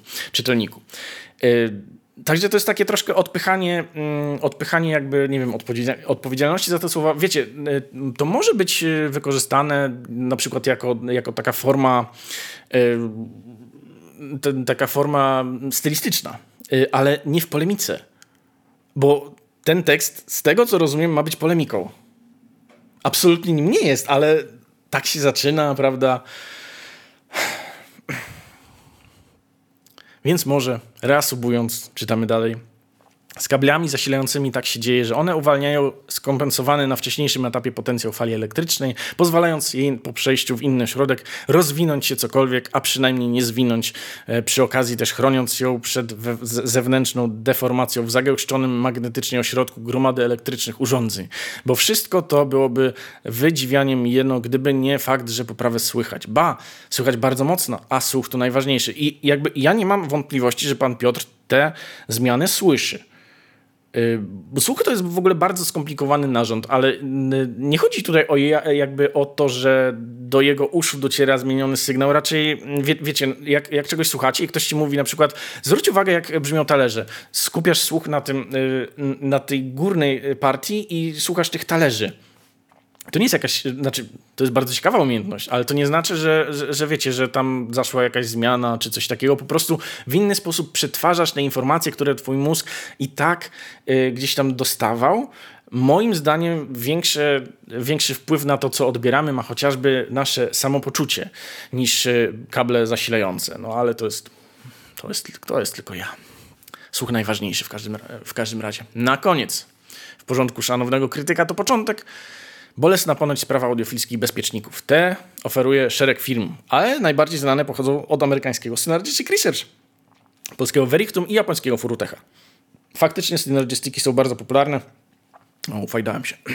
Zacznijmy od tych polskich. Producent daje kupującym 3 tygodnie na zwrot. Każdy może więc zrezygnować. Zawsze to pada. To, to jest kolejny argument, który pada zawsze. To dość uczciwie, nieprawdaż? Yy, wiecie co? Spotkałem Rozmawiałem z, z, jedną osobą, która skorzystała z czegoś takiego i e, producent, e, nie powiem który, nie przyjął takiego zwrotu. Powiedział nie, bo nie, spadaj pan Elo. Powinien to uznać, tak, i możecie się, możecie się z nim napieprzać później, ale tak naprawdę e, czy komuś by się chciało? No mi by się chciało, ale to, to dlatego, że mm, tak, ja, ja taki jestem. No generalnie on nie musi uznać tego zwrotu. Z jakiegoś widzi mi się. Od strony wyjaśnień padają zaś słowa o ceramice w miejsce powietrza i szkła, stykowych końcówkach z wysokiej próby polerowanego srebra zamiast niepolerowanych niklowych. To są jakieś cechy e, e, produktu, które faktycznie prawda, wyróżniają ten produkt, natomiast nie można mu przypisywać e, cech, których nie posiada, czyli na przykład poszerzanie sceny. Kropka. także o kriogenicznym wciekłym azocie porządkowaniu wewnętrznej struktury i dodatkowej otulinie zewnętrznej redukującej drgania. Drgania bezpiecznika. Drgania bezpiecznika. Same druciki są tu srebrne, ale jak w dużym bezpieczniku topikowym obsypane proszkiem kwarcowym. Przy czym z uwagi na dużo lepsze przewodnictwo, audiofilski bezpiecznik topikowy powinien mieć około trzech razy wyższą wartość od nominalnej, bo o wiele łatwiej się pali. Działa to? Miałem okazję sprawdzić i działa. Co? Przepalanie się? Głowy wprawdzie nie urwie, ale pewną poprawę słychać. To, co pan tu napisał, jest cholernie niebezpieczne. Bezpiecznik ma swój typ, zwłoczny, szybki i ma yy, określoną wartość prądu, po której się przepala. Jeżeli przepala się przy trzy razy wyższym prądzie, to to jest po prostu bezpiecznik, który, yy, który ma inne właściwości, jest sprzedawany po prostu yy, jako inny produkt. Co jest totalnym absurdem. Jeżeli włożycie mm, za tą poradą bezpiecznik trzy razy większej wartości, no to powodzenia zagrażacie nie tylko sobie, ale również osobom, z którymi mieszkacie. Po prostu możecie spalić chatę. No, mm, powodzenia, naprawdę. No, to jest bardzo mądre. Z kolei amerykańskie Synergistic Research mają UF Tech, obojętą tajemnicą technologię z poziomu kwantowego. Mm polegającą prawdopodobnie na porządkującym e, przedmuchiwaniu mocnym prądem izolacji grafenowej, która fa falowy ów przepływ chroni potem przed niewygimnastykowaniem nie wiem, czy rozumiecie tego, z tego zdania. Więc, więc może pić na wodę, ale w razie zakupu 30 dni na zwrot. Zatem też można się na nich wypiąć. Bezpieczniki mają analogiczne srebrne styki i lepiej tłumiącą drgania ceramikę, korpus oraz zasypkę w miejsce szkła. Dosłownie wczoraj do mnie w liczbie pięciu dotarły i będę o nich pisał w superlatywach albo nie. Ja myślę, że raczej tak, e, ale to jest moje przypuszczenie. A póki co pozostaje faktem, że bardzo są popularne. Faktycznie na, na forach, na grupach e, takie wpisy widuję o tych, o tych bezpiecznikach.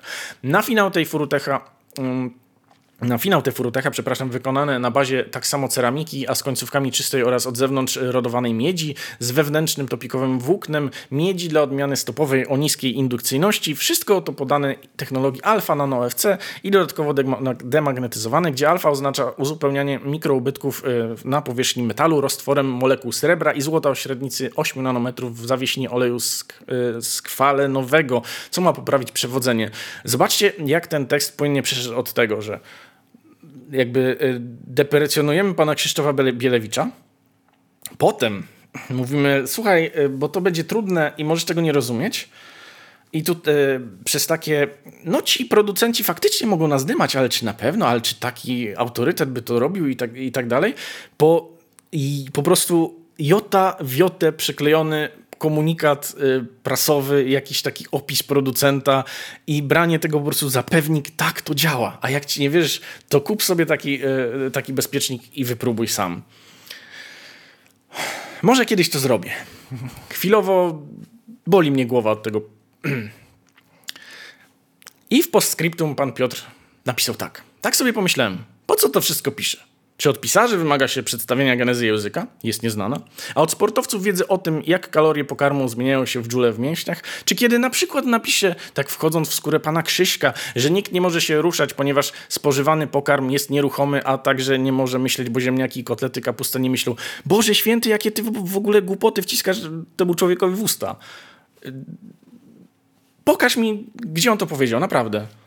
Bo, bo to jest po prostu... Yy, no ja na, pana, na miejscu pana Krzysztofa bym zareagował no to po prostu, zwyczajnie, bo to jest pieprzenie głupot. Się zeźliłem. Jeśli dany obywatel jest leniem i nie chce się mu pożyczyć markowego kabla, widzicie? On z góry zakłada, że jesteś leniem i nie chce ci się tego zrobić. On zresztą o mnie ma podobne zdanie, tak, że, że jestem głupi i, i, i, tak dalej, i tak dalej. Tutaj właśnie daje popis e, swojej twórczości na temat pana Krzysztofa, w takim, w takim właśnie, e, wstawiając go w takiej pozycji, że o, jesteś leniem, jesteś głupi i w ogóle nigdy nie miałeś audiofilskiego sprzętu w rękach. Ech. I nie chce mu się pożyczyć markowego kabla, by sprawdzić, czy coś faktycznie wnosi, ale ma równocześnie chętkę pospekulować o rzeczach niesprawdzonych, to mam za niego, to, to za niego odkręcać. To dlaczego ja mam w ogóle się odnosić do twojego tekstu? Skoro y, piszesz o rzeczach niesprawdzonych, piszesz o rzeczach, które ci się wydają, powołujesz się na autorytety, które nie wiadomo co powiedziały, Dlaczego ja mam to odkręcać? Człowieku. Ale chciałeś, żebym, żebym to przeczytał, pewnie chciałeś kliknięcia, wiadomo. E, no to czytam. Niby z jakiej racji? Jeśli jakiś internetowy pajac, to pewnie też o mnie. Dzień dobry. Uważa siebie za geniusza, a nie, to nie o mnie jednak. Rozdając wedle własnego widzi mi się nagany i pochwały. Arbitralnie decydując też przy okazji, co jest dobre i słuszne, a co nie. I gdy mnie pusty śmiech ogarnia, gdy słyszę, jak się wymądrza, pe peorując z niezachwianą wiarą we własną nieomylność. A co to właśnie był ten tekst, przepraszam bardzo? Czytelniku, nic nie wiesz, tutaj moja mądrość. To się nazywa hipokryzja. Ja nawet nie wiem, czy mi się chce to doczytać, ale to jest po prostu zwykła hipokryzja. Pusty śmiech mnie ogarnia, naprawdę że pomierzył prądy w interkonektach i wyszło mu, że się nie, nie różnią, więc muszą brzmieniowo być identyczne. Pasma akustyczne ludzkiego słuchu obejmuje za, zapasem zakres przypisany odtwarzaczowi CD z wierutną bzdurą i jednocześnie w tej samej pogadance przyjmuje, że odtwarzacze o identycznych parametrach, a jeszcze bardziej wzmacniacze i kolumny głośnikowe jednak się między sobą różnią brzmieniowo, to dlaczego mam traktować, y, to traktować poważnie? Y, to znowu jest po prostu taka generalizacja, do której y, z tego wynika, że nie, nie zrozumiałeś po prostu tego, co co reduktor szumu mówił. E, każdy odtwarzacz CD, ale również przetwornik cyfrowo-analogowy. Wiecie, bo, bo jest właśnie takie twierdzenie, że ci antyaudiofile twierdzą, że każdy e, przetwornik cyfrowo-analogowy będzie brzmiał tak samo. I otóż do, do pewnego stopnia to jest prawda, ale nie zupełnie, bo jakby za za tym elementem, za tym torem cyfrowym jest jeszcze część analogowa. I tam się mogą różne ciekawe rzeczy zdarzyć. I tutaj właśnie jest tak samo z odtwarzaczami CD. Przecież tam jest również część analogowa. Tutaj nawet przytaczałem, że to jest około 10% całego wodu. I, I teraz wciskasz w, tutaj reduktorowi szumu po prostu jakieś głupoty, żeby go chyba tylko ośmieszyć. Mam to traktować poważnie? Czy jeśli dajmy na to, napisałem artykuł, a ktoś mi zacznie mówić, że go nie mogłem napisać, bo artykuły są niemożliwe, to mam go zacząć przekonywać, że jest w błędzie? Mam sięgać po teorię materii, teorię języka, objaśniać mu alfabet, gramatykę, interpunkcję? O, dziękuję, że nam po prostu objawiłeś nam swoją mądrość w tym, w tym tekście.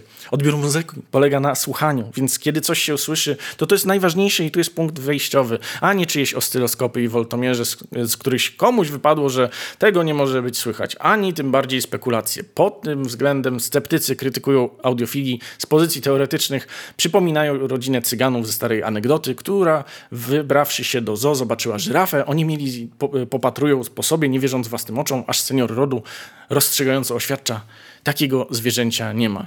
Z tego tekstu wynika mi, tak e, ogólnie mówiąc, że po prostu ta materia nie jest e, zrozumiana. I bardzo dużo tutaj było takich wybiegów erystycznych i naprawdę nie jestem w stanie ich, e, ich tutaj policzyć. Do wielu bzdur, które tutaj w tym artykule się pojawiały, w ogóle się nie odniosłem. Tomek, którego serdecznie pozdrawiam, on opisał mi tutaj jeszcze jedną bzdurę dotyczącą mikrowyładowań w koronie elektrycznej, o której tutaj pan, pan Piotr wspomniał. E, opisując w zasadzie właśnie, że, że, że, to jest e, totalna bzdura, ja się na tym nie znam, mogę co najwyżej zacytować, ale chciałem, e, wspominam o tym, dlatego że Właśnie Tomek jest, jest świetnym przykładem. Świetnym przykładem na to, że to jest człowiek, który ma ogromne kompetencje właśnie elektrotechniczne, tak, takie teoretyczne od strony prądowej, ale również pracuje z urządzeniami audio, pro audio i tym domowym audio też na co dzień to jest naprawdę kopalnia wiedzy. I on jest w tych grupach audiofilskich. Yy, tylko, że banują go. On dostał chyba trzy bany z yy, Audio Muzo Fans. Pozdrawiam panią Renatkę. Tylko dlatego, że zadawał pytania. Ale to nie były jakieś hejterskie pytania, że o, to w takim razie jak to, to coś tam ten. Nie, on yy, czytał to, co ktoś, prawda, z siebie wygłaszał, tak jak na przykład tutaj, i mówił: Dobrze, jeżeli twierdzisz, że mm, na przykład to, to i to, e, to jak to się na przykład ma do e, tego i tego? Wiecie, to są oaza spokoju, naprawdę. Merytoryka. I dlaczego o tym wspominam? Dlatego o tym wspominam, że nie powinniście banować takich ludzi, od których możecie się czegoś faktycznie nauczyć. On, oni to robią za darmo. Y, dzielą się wiedzą. Ja, ja bardzo chętnie z tego korzystam. Ja, to nie jest tak, że ja wiem wszystko. Co wiele osób mi tutaj próbuje bardzo często w jakichś komentarzach e, sugerować. Nie. Ale wiem, kogo spytać. Jeżeli nie wiem, e, kogo spytać w danej materii, no to pytam ludzi, czy znają może kogoś, tak? Zeszło nam, e, słuchajcie, godzina 20 minut na ten na ten tekst, czyli y, no, ze 40 minut dłużej niż, y, przepraszam, 30 niż, niż się tutaj yy, spodziewałem. Ja sobie, wybaczcie, wejdę teraz w komentarze, żeby zobaczyć, żeby zobaczyć, moi drodzy, yy, co tutaj mi piszecie y, dotyczących tego właśnie tutaj składowy zrób mi pomiar. Nie ma problemu, będziemy mierzyć. Tutaj Szczepan pisze 44,1 kHz to jest częstotliwość próbkowania jak coś. A, no tak, przepraszam, tutaj masz rację oczywiście. E, Anna pisze, mm, chętnie bym posłuchała, ale kurde muszę iść. No, mm, to będzie dostępne później jako e, podcast i jako e, film na, na YouTubie. Ale dobra, ja, ja już jestem zmęczony, przed nami jeszcze sześć tekstów. ale to będą raczej lżejsze teksty. Powiedziałem na początku, że nie będzie, nie będzie żadnego tekstu pana Wojciecha i dotrzymuję słowa, natomiast zajrzymy do High Fidelity, ale to są listy od, e, jakby do redakcji. Pan, e, pan Wojciech tutaj e, opublikował taki bardzo ciekawy list, który przytoczę jako taką anegdotkę, tak, którą sam czytelnik High Fidelity przedstawił. Historia jednego kabla. Witam. Raz jeszcze bardzo dziękuję za Pana sugestie w doborze kolumn dla mojego brata do zestawu Myrarda.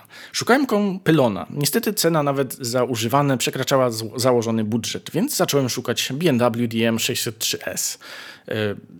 Kiedyś to były bardzo popularne kolumny. Jest dużo więcej ogłoszeń, więc je, będzie łatwiej coś znaleźć. I tak mi się wydawało.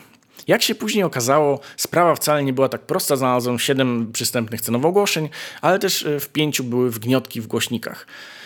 Zapomniałem kiedyś dodać, że kolumny muszą być w, jednym, w jasnym odcieniu. Żona brata sobie zażyczyła. Jedno ogłoszenie było blisko mojej miejscowości, więc zapakowaliśmy sprzęt i pojechaliśmy na odsłuch. Zagrało całkiem fajnie, ładna stereofonia, dość naturalne brzmienie. Jedyny minus to, że to jest dobre. To, że przy cichym słuchaniu trochę brakuje sopranów, mimo to nie kupiliśmy. Myślę, że można soprany trochę podciągnąć, zmieniając kable. Jedna rzecz, że soprany jakby mają najniższą energię, czyli najszybciej się wytracają i przy słuchaniu cichym po prostu yy, tego faktycznie zawsze może brakować. Ale druga rzecz,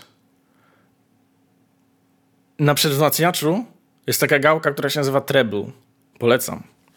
A nie jakimiś kabelkami. Ale mogami, które pan, no, jak, jak lubi, to niech sobie żongluje nie moja sprawa. Ale mogami, które pan tak ceni, w tym przypadku chyba się nie sprawdzą. Przy okazji opowiem panu jeszcze moją historię z kablami mogami. Może pana zainteresuje. Dawno temu, po przeczytaniu bardzo pozytywnej recenzji kabli SoundGuard Mogami The Pure 3082, piękna nazwa, w magazynie audio numer 198, gdzie recenzent był zachwycony brzmieniem kabla. Patrzcie, 6 lat wystarczyło, żeby tyle się zmieniło w, czas, w czasopiśmie e, audio brzmienie kabla, który kosztował 36 zł za metr. Postanowiłem, że zakupię je do mojego systemu. Udało się je dostać na audio show i rzeczywiście kable brzmieniowo były rewelacyjne. Był bardzo naturalny wokal, ładnie zaznaczona przestrzeń i połyskujące soprany. Też piękny, piękny zwrot połyskujący soprany. Przez kilka lat używałem tego kabla. Byłem zadowolony. Potem kolega zaproponował, że da mi za ten kabel szafkę pod sprzęt. Niestety skusiłem się, bo szafka była fajna. Potem zamieniłem kable co jakiś czas, zmieniałem kable co jakiś czas, nawet dużo, na dużo droższe, ale zawsze mi w nich czegoś brakowało. Postanowiłem powrócić do Mogami 3082, ale były już niedostępne. Prawdopodobnie brak dystrybutora w Polsce. Kilka lat bez skutku szukałem kabli na rynku wtórnym. Dopiero jakieś dwa lata temu zakupiłem nowe u nowego dystrybutora Kupiłem wersję zwykłą tych kabli oraz drugą specjalną. Po ich podłączeniu żadne mi nie, nie, brzmiały tak jak te stare. Nie było tej przestrzeni rozdzielczości, a wokal nie był tak wyeksponowany. Pomyślałem, że minęło już kilkanaście lat, wtedy miałem inny sprzęt, zmieniła się też akustyka pokoju, no i słuch też się pogorszył, ale coś mi tu nie pasowało, żeby aż tak zmienił się charakter brzmienia tych kabli. Poszedłem do kolegi, któremu sprzedałem stare mogami, wciął się ma. Niestety nie mógł pożyczyć do porównania, bo musiałby przestawić meble, więc pomyślałem, że spiszę sobie ich dokładny symbol. Czyli nie było bezpośredniego porównania, tylko pan porównywał z, ze swoim wspomnieniem brzmienia sprzed 14 lat, czy iluś tam. Ok. W domu porównałem ten symbol z nowymi kablami i okazało się, że jedna literka jest inna. Postanowiłem, że napiszę do polskiego dystrybutora. Opiszę całą historię i poproszę o odpowiedź na pytanie, czy jest jakaś różnica między starą a nową wersją kabla. Szybko dostałem odpowiedź.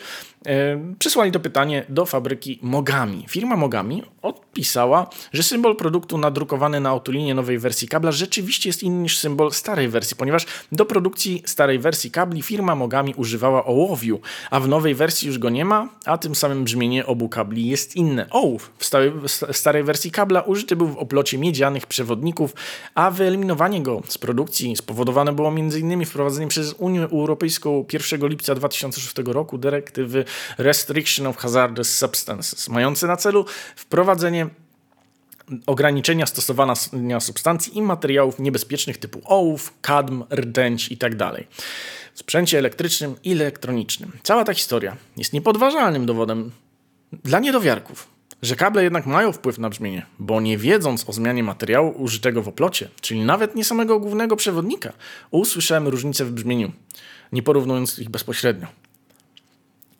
Dowód. Oczywiście nowe kable Mogami też są bardzo dobre i brzmią lepiej. Mnie po prostu bardziej odpowiada ich stara wersja, więc jedyne co mi pozostawia to szukać na rynku wtórnym kabla wyprodukowanego przed 2006 rokiem. Widzicie, znowu ta zła Unia, znowu zła Unia e, ogranicza wolność audiofilii. I to w ramach takiej ciekawostki, po prostu bardzo, bardzo fajny list, spodobał mi się. E, dobrze, przejdziemy może, może dalej. Tutaj się zastanawiam, co by zaprezentować. Hi-Fi Class. I tutaj test kabla XLR E, Recable Invictus XLR. W ogóle bardzo dziękuję za podsyłanie takich, e, takich tematów, bo bardzo wiele rzeczy wy mi podsyłacie i sami zwracacie uwagę właśnie na jakieś, e, na jakieś absurdy. Tak jak mówię, ja nie można się znać na wszystkim, prawda?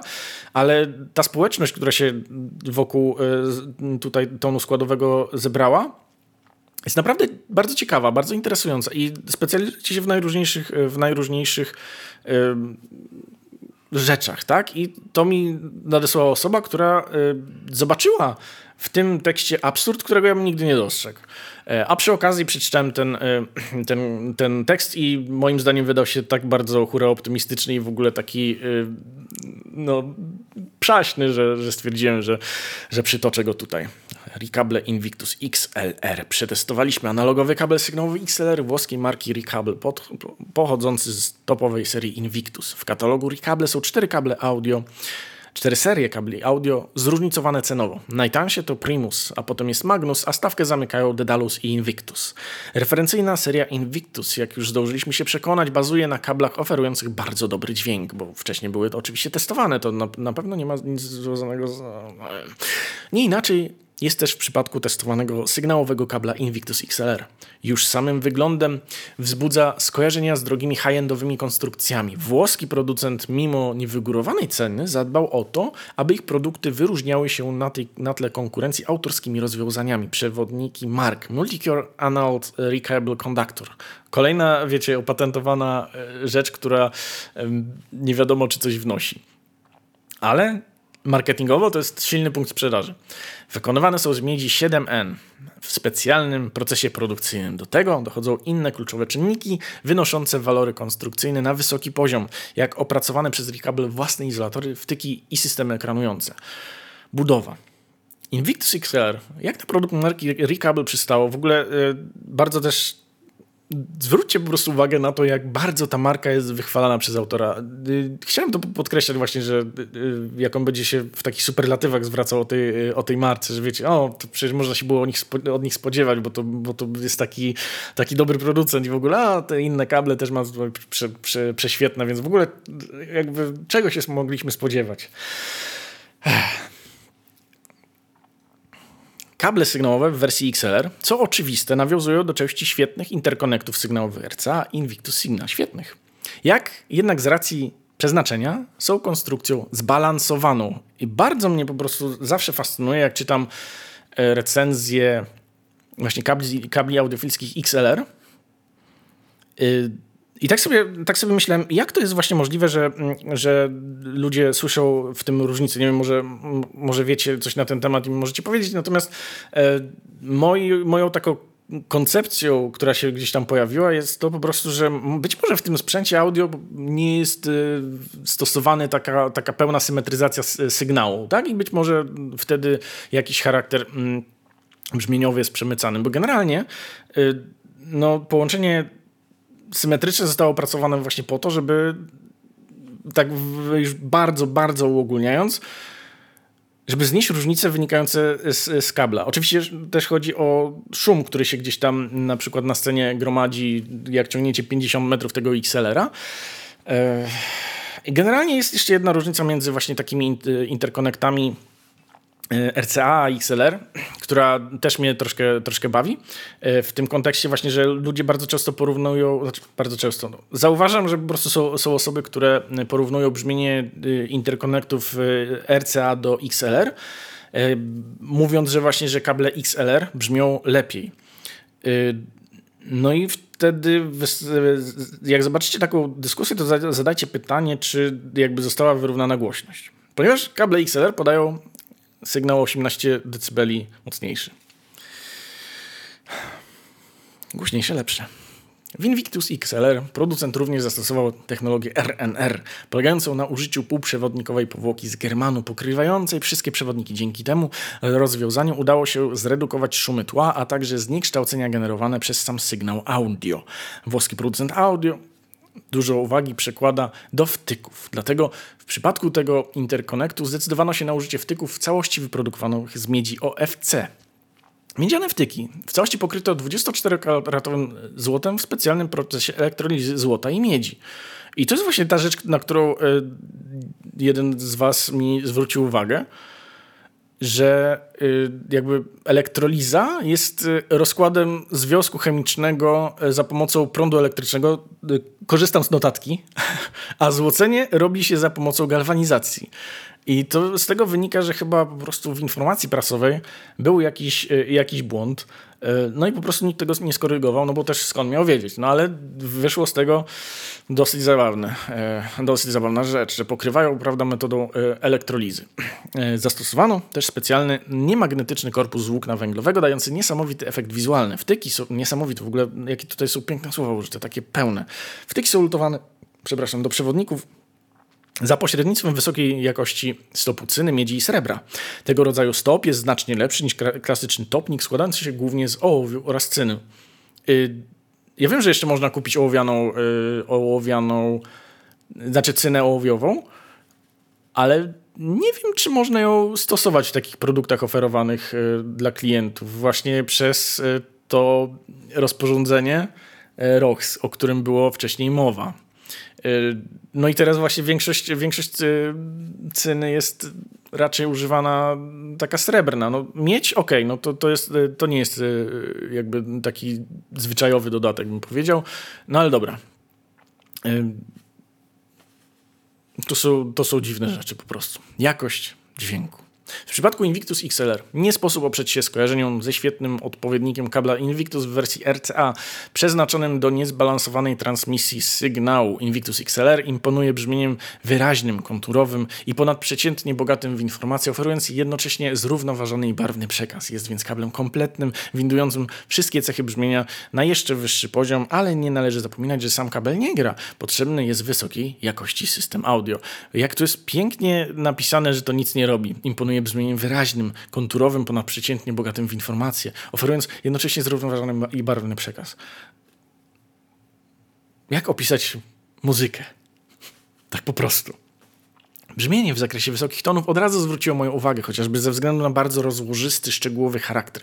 Płyty, w których zapisano całą gamę informacji w górnych rejestrach, nie będą mieć przed Invictusem XLR żadnych tajemnic. W utworach z repertuaru Larsa Danielsona byłem zaskoczony dużą ilością przeróżnych smaczków pojawiających się w zakresie wysokich tonów.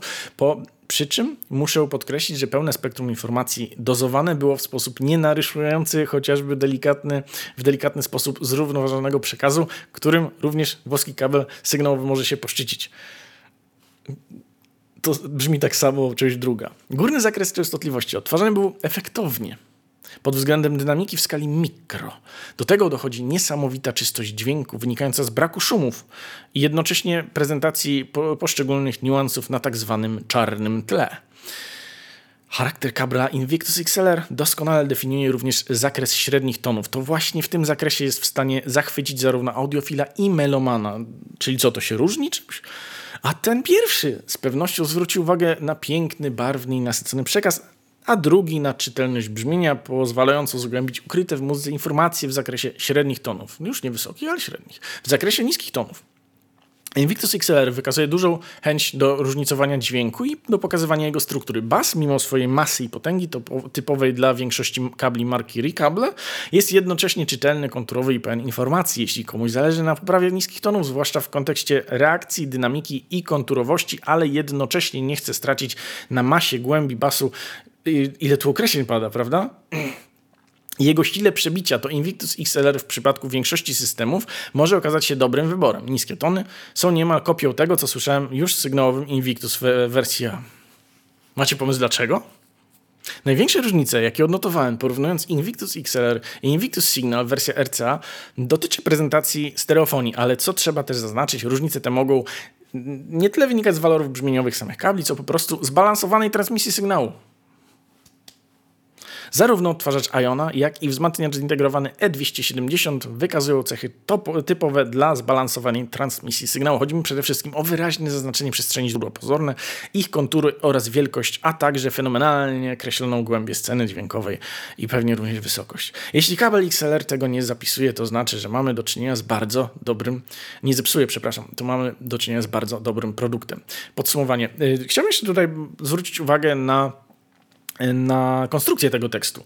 Bo tutaj akurat muszę pochwalić y, autora, że przechodzimy od ogółu do szczegółu, ale też y, podoba mi się to, jak zostało uporządkowane informacje dotyczące zakresów. Czyli najpierw mamy górę, potem mamy środek, potem mamy bas, a potem takie właśnie ogólne wrażenie. I to jest y, fajne, jeśli chodzi właśnie o konstrukcję, bo to czyni ten tekst bardzo czytelnym. Także tutaj pod tym względem picobello, panie autor. Invictus XLR. Podsumowanie. To kolejny produkt włoskiej marki Ricable, który testowałem i po raz kolejny się nie zawiodłem. Wręcz przeciwnie. Po raz już nie wiem, nie wiem, który muszę pochwalić kable tej firmy za otwarte, nieskrępowane, czytelne brzmienie. Ten interkonekt analogowy bardzo dobrze sprawdzi się w przypadku systemów, w których zależy nam na uwypukleniu wszystkich jego pozytywnych cech brzmieniowych, ale bez ingerencji w balans tonalny czy barwy, czyli w brzmienie. E, także tego. I ja, ja naprawdę podziwiam jak ja bym dostał taki kabel XLR do przetestowania, to bym to zlecił czatowi GPT. Po prostu. E, minęło już dosyć, dosyć sporo czasu, zbliżamy się do drugiej godziny. A ja tutaj mam jeszcze sporo, sporo e, tekstów do, do zaprezentowania, dlatego nie wiem, czy nie skrócimy tego i e, nie ominiemy Sandra-Bellsów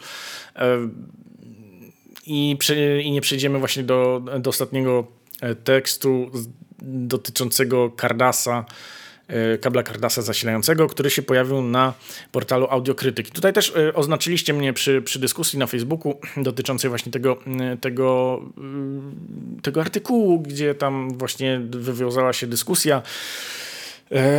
tutaj też o tej dyskusji chyba troszkę, troszkę będzie. A nie, jeszcze. A, dobra, jeszcze jeden przeczytamy. Ok, ale to będzie bardzo krótkie, naprawdę. Y, no i tam między innymi właśnie no, no, zadawane były do, dosyć y, ciekawe pytania y, i pos, pos, pozwolę sobie później właśnie zacytować pytania Tomka, które mu się pojawiły właśnie po przeczytaniu tegoż, tegoż tekstu. Nie, nie, nie było ich chyba jeszcze w, w przeglądzie prasy audio.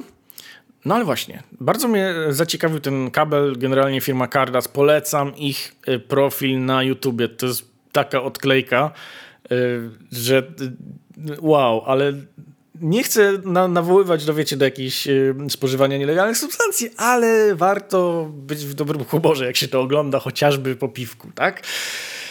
Bo wtedy jest naprawdę ciekawie. Cardas, Clear Beyond XL. Test, recenzja, opinie. Pozycjonowanie, pozycjonowanie rynkowe. I autor pisze tak. 13 999 zł to rozsądna kwota za naprawdę dobry wzmacniacz, który zaspokoi potrzeby 95 ludzi słuchających muzyki dla przyjemności. 13 999 zł to także kwota, którą można kupić, za którą można kupić wysokiej klasy odtwarzacz strumieniowy i z owego odtwarzacza 95% ludzi będzie bardzo zadowolonych. Podobnie jak ze wcześniej wspomnianego wzmacniacza. Idźmy dalej. 13 999 zł to kwota, która z powodzeniem wystarczy na dobrej klasy monitory, kolumny podstawkowe lub kolumny podłogowe średniej klasy. 95% ludzi ucieszyć się z takich kolumn. No myślę, że to jest prawda, no tutaj ciekawy wstęp. Ale czym jest kwota 13 999 zł za kabel zasilający do systemu audio? Już odpowiadam. Jest to kwota, za którą można kupić kabel zaspokajający potrzebę pozostałych 5% ludzi słuchających muzykę. Y, trzeba zwrócić uwagę, że ten, y, ten fragment jest y, technicznie bardzo ciekawie sformułowany, po prostu. Także tutaj punkt za, za, za styl. Mówiąc słowami samego George'a Cardasa, Kable zasilające stopowych serii pozwalają audiofilom swobodnie wybierać spośród dowolnych kolumn i elektroniki. Kable, które modyfikują dźwięk w systemie, to efekt kompromisu cenowego. Trochę to obrazoburcze dla audiofila kablofila. Kable miały dźwięk poprawiać i modyfikować. Widzicie, to jest taka druga szkoła, yy, kompletnie inna od tej, o której mówiłem wcześniej, że właśnie, że kable nic nie, nie poprawiają, ale mniej psują. Chociaż okazuje się, że co najwyżej mogą go psuć mocno, mało lub wcale. Ta konstrukcja pcha nas w stronę finalnego wniosku na temat pozycjonowania rynkowego kabla Clear Beyond Power XL. Jest to bezkompromisowe akcesorium do systemu grającego, gdzie kompromis należy definiować jako wpływ kabla na barwę dźwięku.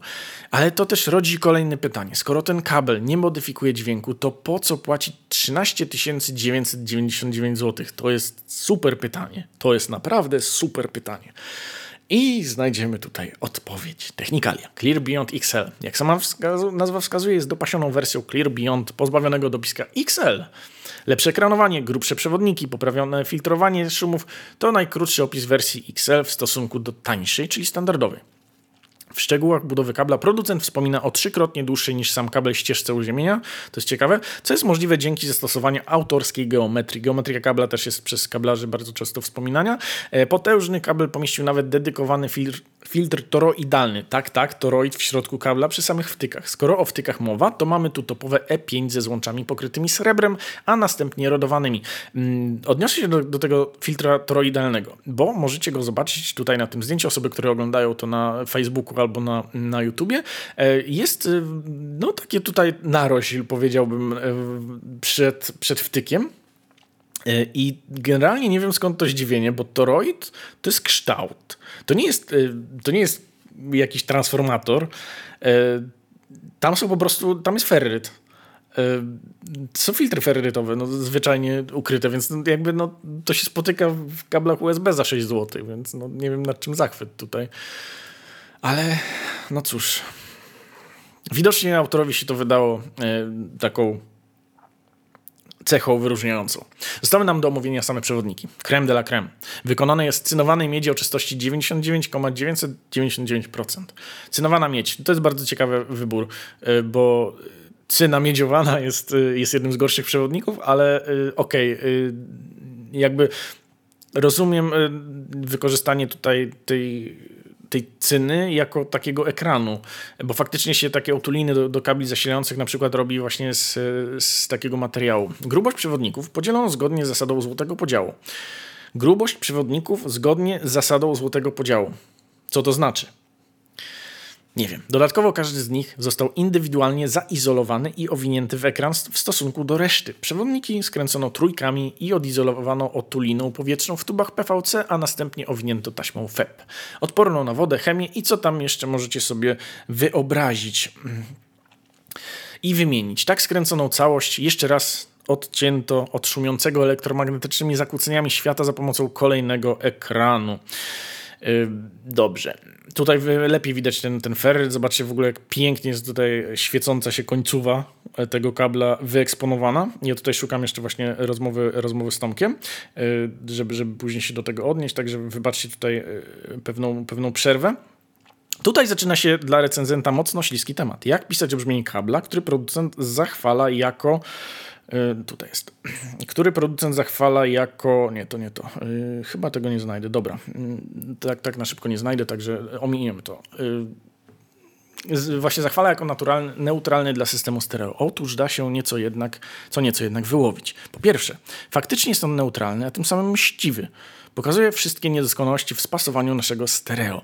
Jeśli mielibyście sobie myślicie się sobie, kupię tego power chorda i awansuję dwie ligi brzmieniowe, to możecie się zdziwić. O, myślę, że z każdym kablem zasilającym tak jest, ale to jest tylko moja opinia oczywiście. Po drugie, jeśli jesteście właścicielem bardzo dobrego systemu stereo, to tak, ten kabel poprawi jego brzmienie. Jak? Ano poprzez obniżenie słyszalnych szumów, jakie generuje elektronika. Podłączasz Cardas Clear Beyond XL i cyk. Nagle najcichsze pasaże stają się wyraźne i klarowne jak oszlifowany diament. Ten y, szum to nie wiadomo skąd on jest, ale jest. Wyraźnie, wrażenie takie już e, nie wyrabiam, przepraszam. Wrażenie jest takie, jakbyśmy przeszli na przetwornik DAC o półkę wyższy z lepszym stosunkiem sygnału do szumu. Kabel Carrasa jest jak odpływ morza, pokazuje wiele rzeczy, których pod wodą nie było widać. Otwiera oczy na horyzont wielu świeżych, nieznanych dotąd drobiazgów. Clear Beyond XL zabiera nam przy tym jakże cenny czas naszego życia, bo znowu musimy odsłuchiwać ulubioną płytotekę od nowa. Komu polecamy? Wariatom, którzy chcą te, tylko tego, co najlepsze, najdroższe, niedostępne dla innych. E, ten fragment mi się podoba. E, no ale właśnie. Nie za bardzo wiadomo, o co tutaj chodzi na przykład z tą e, izolacją, która jest kilka razy, kilkakrotnie dłuższa w stosunku do żył. Jakby w sensie, jak to się przekłada na, na cokolwiek. Cokolwiek, co mogłoby wpłynąć na, na dźwięk. No, jest, to, jest to dosyć kontrowersyjne. Bardzo wiele właśnie osób komentowało ten, y, ten artykuł na, na Facebooku. Tam z tego co widziałem, chyba ponad 100 komentarzy y, wpadło autorowi i on tam dzielnie po prostu odpisywał. Sam zresztą kilka ciekawych pytań nam zadałem. Y, no ale właśnie w ogóle Cardas jest taką firmą, która wiecznie się odwołuje do tego złotego podziału, ale tak naprawdę powiedzcie mi, co, co oznacza ułożenie żył w złotym podziale. W sensie jak? Chodzi o to, że te żyły są skręcone? Moja wyobraźnia, mimo że bardzo bujna, nie potrafi sobie tutaj mm, poradzić z tym. Mm, dobrze, jeśli chodzi o jeszcze jeden tekst, który chciałem e, przekazać, tutaj jak widzicie właśnie mamy jeszcze, mamy jeszcze e, audio base e, od Sandrebes, czyli stoliki i platformy odsłuchowe, ale to znowu to jest tak toksyczny język, że, że po prostu nie lubię tego czytać. Natomiast zajrzałem na stereo.pl i tutaj jakby nie chciałem już kolejnego tekstu dotyczącego przewodów zasilających kabli e, przytaczać, bo to może się zrobić e, trochę nudne. Już, już mnie to zmęczyło, e, tak szczerze powiedziawszy, bo dzisiejszy odcinek jest jakby bardzo mocno poświęcony tym, tym kablom zasilającym od pana Ryki, który tam swoje jakieś, e, jakieś kwantowe teorie, tak, przez ten właśnie kabel Cardasa i tutaj wchodzimy jakby do syntezis e, PC15EU, e, ale nie, nie dla właśnie tego fragmentu dotyczącego, dotyczącego samego kabla postanowiłem sobie ten e, temat przytoczyć. A dla, dla wstępu pana mm, Macieja Stępurskiego, który jest, e, jest e, właścicielem tej strony, więc prawdopodobnie on pisał ten, też ten tekst, natomiast tego tutaj nie widzę. E, I to jest takie bardzo ciekawe spojrzenie właśnie ten, na ten świat e, audiofilii e, oczami człowieka, który, który się w nim obraca już dosyć sporo, sporo czasu. No, pan, pan Maciej to tam robi różne też pokazy ciekawe kabelków różnych i udowadnia różne tezy. Przez to właśnie bierze udział w różnych ognistych też e, dysputach, czasami w różnych mediach. I właśnie tutaj przedstawił taką, taką ciekawą e, tezę. Test syntezis PC15EU w branży audio. Zwykle mamy do czynienia ze specjalizacją. Firmy budujące elektronikę rzadko biorą się za kolumny głośnikowe, a te od gramofonów raczej nie oferują przetworników cyfrowo-analogowych. To jest generalnie prawda. Czasami są jednak wyjątki i z takim mamy właśnie do czynienia. Włoska firma specjalizująca się w budowie wzmacniaczy, szczególnie lampowych, ale nie tylko, wprowadziła do sprzedaży swój pierwszy kabel. I, co, i to jest, jest to kabel zasilający. Jak wypadł oto test no i dobra. I tu pan Maciej przychodzi do sedna, czyli właśnie o dyskusji o kablach zasilających i generalnie o całej audiofilii. Kable zasilające. Temat, który już powoli zaczyna przycichać na audiofilskich forach i grupach w social media, ale wciąż budzi dyskusję i wciąż nie można się odpędzić od tych e, od lat przytaczanych pseudoargumentów o kablach w ścianach i od porównań do rur wodociągowych z wodą i rurek e, przed kranem. Cóż, niektórzy wciąż nie odróżniają przypływu wody od ruchu elektronów. Y, I to jest te, też ten temat, o którym ja mówiłem, tylko w zupełnie jakby odwrotnym kontekście. Y, no bo to nie jest ładna argumentacja. I ja się nie dziwię, że, że, że, że tutaj pada to stwierdzenie. Bo to już, jest, to już jest takie coś, wiecie, obrazowe pokazywanie czegoś. Y, no a ktoś może powiedzieć nie, bo nie i tyle, tak? Więc no to ostatnie zdanie jest troszkę niepotrzebne, tak, ale no, no faktycznie też e, szczerze powiem, że jak widzę e, te, te, te argumenty o kablach w ścianie, no to nie do końca tak jest też, bo trzeba sobie zdawać sprawę, że niektórzy audiofile, niektórzy ci właśnie których bym już określił słowem audiobile. E, chociaż nie, nie, dobra, tutaj, tutaj akurat niekoniecznie. No, bo, bo można sobie poprowadzić, prawda, osobną linię zasilającą do, do sprzętu audio i jakby spoko. Masz osobny bezpiecznik, w sensie odizolowany to jest od, od całej reszty e, tego tutaj układu. No i okej. Okay. E, I bardzo, znaczy bardzo, no Zdarzają się po prostu ludzie, którzy, mm, którzy wymieniają wszystko po prostu w ścianach na takie grube kable gigawata i tam wszystko po prostu od gniazdka do bezpieczników sobie wymieniają, więc w ich kontekście faktycznie ten, e, ten argument o tych miedziany, miedzianych kablach e, czy tam aluminiowych w ścianach to jest takie, no, takie nadużycie. No, no, w sensie, no nie fajna argumentacja też, nie stosujcie jej, proszę. Ciekawe w tym wszystkim jest to, że do innych przewodów audiofilów przekonywać nie trzeba. Nikt nie dziwi się, kiedy na forach rozpoczyna się dyskusja o interkonektach czy kablach głośnikowych. A przecież jeszcze 25 lat temu niemal nikomu do głowy nie, przy, nie przychodziła wymiana oryginalnych kabli połączeniowych dołączanych do sprzętu audio. I to jest bardzo ciekawa obserwacja. To jest bardzo ciekawa obserwacja, powiedzmy, z wnętrza tego e, środowiska audiofilskiego, ponieważ e, to pokazuje, że jakby uświadamianie ludzi, albo inaczej, ja to nazywam indoktrynacja, taka marketingowa, to jest proces, e, który, który musiał jakby zacząć się tak bardzo dawno temu i, i trwał, i trwał, i trwał, bo to nie jest tak, że właśnie pokażesz te, yy, te pastę do tranzystorów człowiekowi i on powie, mmm, chyba spróbuję. Jakbyś 25 lat temu pokazał właśnie taką pastę do tranzystorów dla jakiegoś takiego przeciętnego audiofila, to on by ci powiedział, panie, idź pan tam, gdzie rosyjski okręt wojenny. Dlatego właśnie wydaje mi się, że, że ta pasta nie jest już sprzedawana. Po prostu ona była sprzedawana w złym czasie. Gdyby dzisiaj się pokazała na rynku, wydaje mi się, że mogłaby jakieś zainteresowanie mm, na rynku wzbudzić, szczególnie jakby się pojawiły właśnie jakieś testy i recenzje w prasie. I, i, I, wiecie, i tak samo właśnie było z kablami zasilającymi. No najpierw to ludzie mówili, że no nie, no, weź się panie puknij w głowę. A teraz y, wśród takiej dosyć y, pokaźnej rzeszy E, rzeczy właśnie ludzi. Jest to już e, rzecz jakby oczywista, że mają wpływ, e, wpływ na brzmienie, mimo że właśnie obiektywnie nikt tego tak w zasadzie nie udowodnił. A wręcz przeciwnie, jest bardzo dużo dowodów, że jakby na przykład Gene z kanału Audioholics zrobił bardzo ciekawy materiał dotyczący, dotyczący właśnie wpływu kabli zasilających na brzmienie. Ja też się do tego tematu podejmę, chociaż myślę, że z innej strony niż, niż Jean.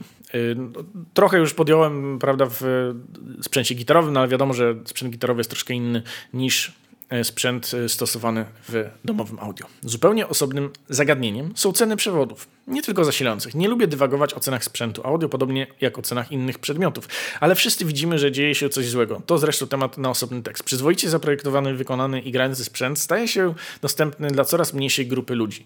Jeszcze dekadę, góra 13-15 lat temu za 10-15 tysięcy można było kupić przyzwoity system do słuchania muzyki. Dziś często nie wystarcza to nawet na samą elektronikę. Raczej nie będę tutaj poświęcał czasu na dywagowanie nad, nad, nad y, cenami sprzętu i wiecie, jakimś tam jakąś tam ekonomią i, i tak dalej, i tak dalej.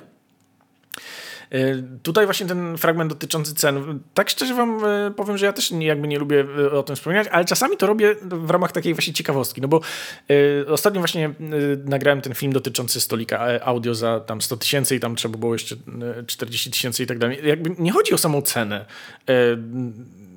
ale ona jest dosyć ciekawym, dosyć ciekawą częścią tego produktu jednak. I bez e, jakby w oderwaniu od tego nie widzimy, ile, mm, ile producent pracy włożył, żeby właśnie to opakować w jakieś różne ładne e, zdjęcia, opisy, które tam, które tam są do, też dosyć ciekawe. No, jednak, jednak to jest troszkę integralna część tego sprzętu high-endowego. E, więc jednak e, ja o tym wspominam gdzieś tam w swoich e, wpisach, chociaż tylko jeżeli jest to tak wycenione dosyć absurdalnie, powiedziałbym. Podobnie jest z cenami przewodów. Pamiętam, jak, że interkonekty za półtorej czy dwa tysiące niektórzy zaliczali już do high-endu. Kiedy na szeroki audiofilski rynek wypływały właśnie kable zasilające, to naprawdę przyzwoite przewody można było kupić za kilkaset złotych. Do dziś pamiętam swojego pierwotnego, pierwszego, przepraszam, Vincenta za około 400 złotych. Teraz sieciówki za 10 i więcej tysięcy nie robią już dla wielu, na wielu audiofilach wrażenia. Dlatego cieszy, że wciąż pojawiają się produkty godne uwagi i przy tym rozsądnie wycenione, tak jak recenzowany kabel. Y, ja już trochę wspominałem o tym w poprzednich y, przeglądach prasy audio na podstawie właśnie tekstu y, pana Wojciecha Pacuły. Przepraszam, że wspominam, miało go być mało albo wcale, ale jak widać średnio się udało. W każdym razie on tam przeprowadzał mm, taki krótki wywiad z twórcą kabli zasilających, między innymi właśnie, który to przyznał mu, że nie widział potrzeby jakby tworzenia nowego produktu, w swojej linii produktowej, natomiast klienci od niego wymagali tego. Dzwonili i się pytali, mówią, no ten kabel jest dobry, ale zbyt tani. I tego producenta to zdziwiło. E, to było, dla mnie, to było dla mnie dosyć ciekawe i wydaje mi się, że właśnie, że to mm, tak to trochę wygląda. I zauważcie, że na przykład y, te switche audio, które teraz y, jakby są coraz bardziej popularne, ich ceny zaczynały się od tam 1300-400 zł, a teraz już dochodzimy do takich switchów ethernetowych, które mają dalej 8 albo 16 złącz Ethernet i kosztują około 20-25 tysięcy złotych. A to dalej jest konstrukcja oparta na, e, jakby na tym samym, tak? W środku są po prostu, jak masz 16 złącz, to masz jakby dwa osobne switche, które zostały zamontowane i osobne tam, e, prawda, sekcje zasilania. Także na naszych oczach to też się dzieje. Bo jakby najpierw trzeba przekonać tego, mm, tego prawda, klienta, że hmm, to może nie jest takie wcale głupie, nie? No, w pierwszym tekście też było e, tak, taki argument został użyty, że no przecież co ci szkodzi przetestować, tak? Kupisz sobie ten, e, ten bezpiecznik, włożysz go sobie, nic nie usłyszysz, no to wyjmiesz i odeślesz tam e, gdzieś tam. No i zauważcie, że, te, że, że tam też padała taka, padały takie zwroty dotyczące właśnie pozycjonowania cenowego tych, tych bezpieczników, w sensie, że to kosztuje tylko na przykład 300 zł, albo że 600, albo wiecie, no, yy, no i okej, okay, tylko zauważcie, że to są właśnie takie bezpieczniki dalej entry level. Są bezpieczniki, które, yy, których cena jest liczona w tysiącach i na pewno nie ma na, na, jakby na tym zbyt dużego rynku, ale są ludzie, którzy to po prostu kupią. Dobrze, ja wam dziękuję za dzisiaj. Spotkaliśmy się tutaj na dwie godziny. Dwie godziny y, rozmawialiśmy, a w zasadzie ja prowadziłem monologu. Przepraszam, dzisiaj nie, nie, nie mogłem wyświetlić waszych komentarzy. Mam nadzieję, że nie, y, nie, nie było tam jakiejś kało y, sztormu, że tak powiem. Także ja wam za dzisiaj dziękuję. Widzę, że pogoda przynajmniej w Wrocławiu jest bardzo w kratkę, ale mimo wszystko życzę wam bardzo miłego dnia, wesołego. Dzięki za dźwięki. Do usłyszenia wkrótce. Trzymajcie się, cześć.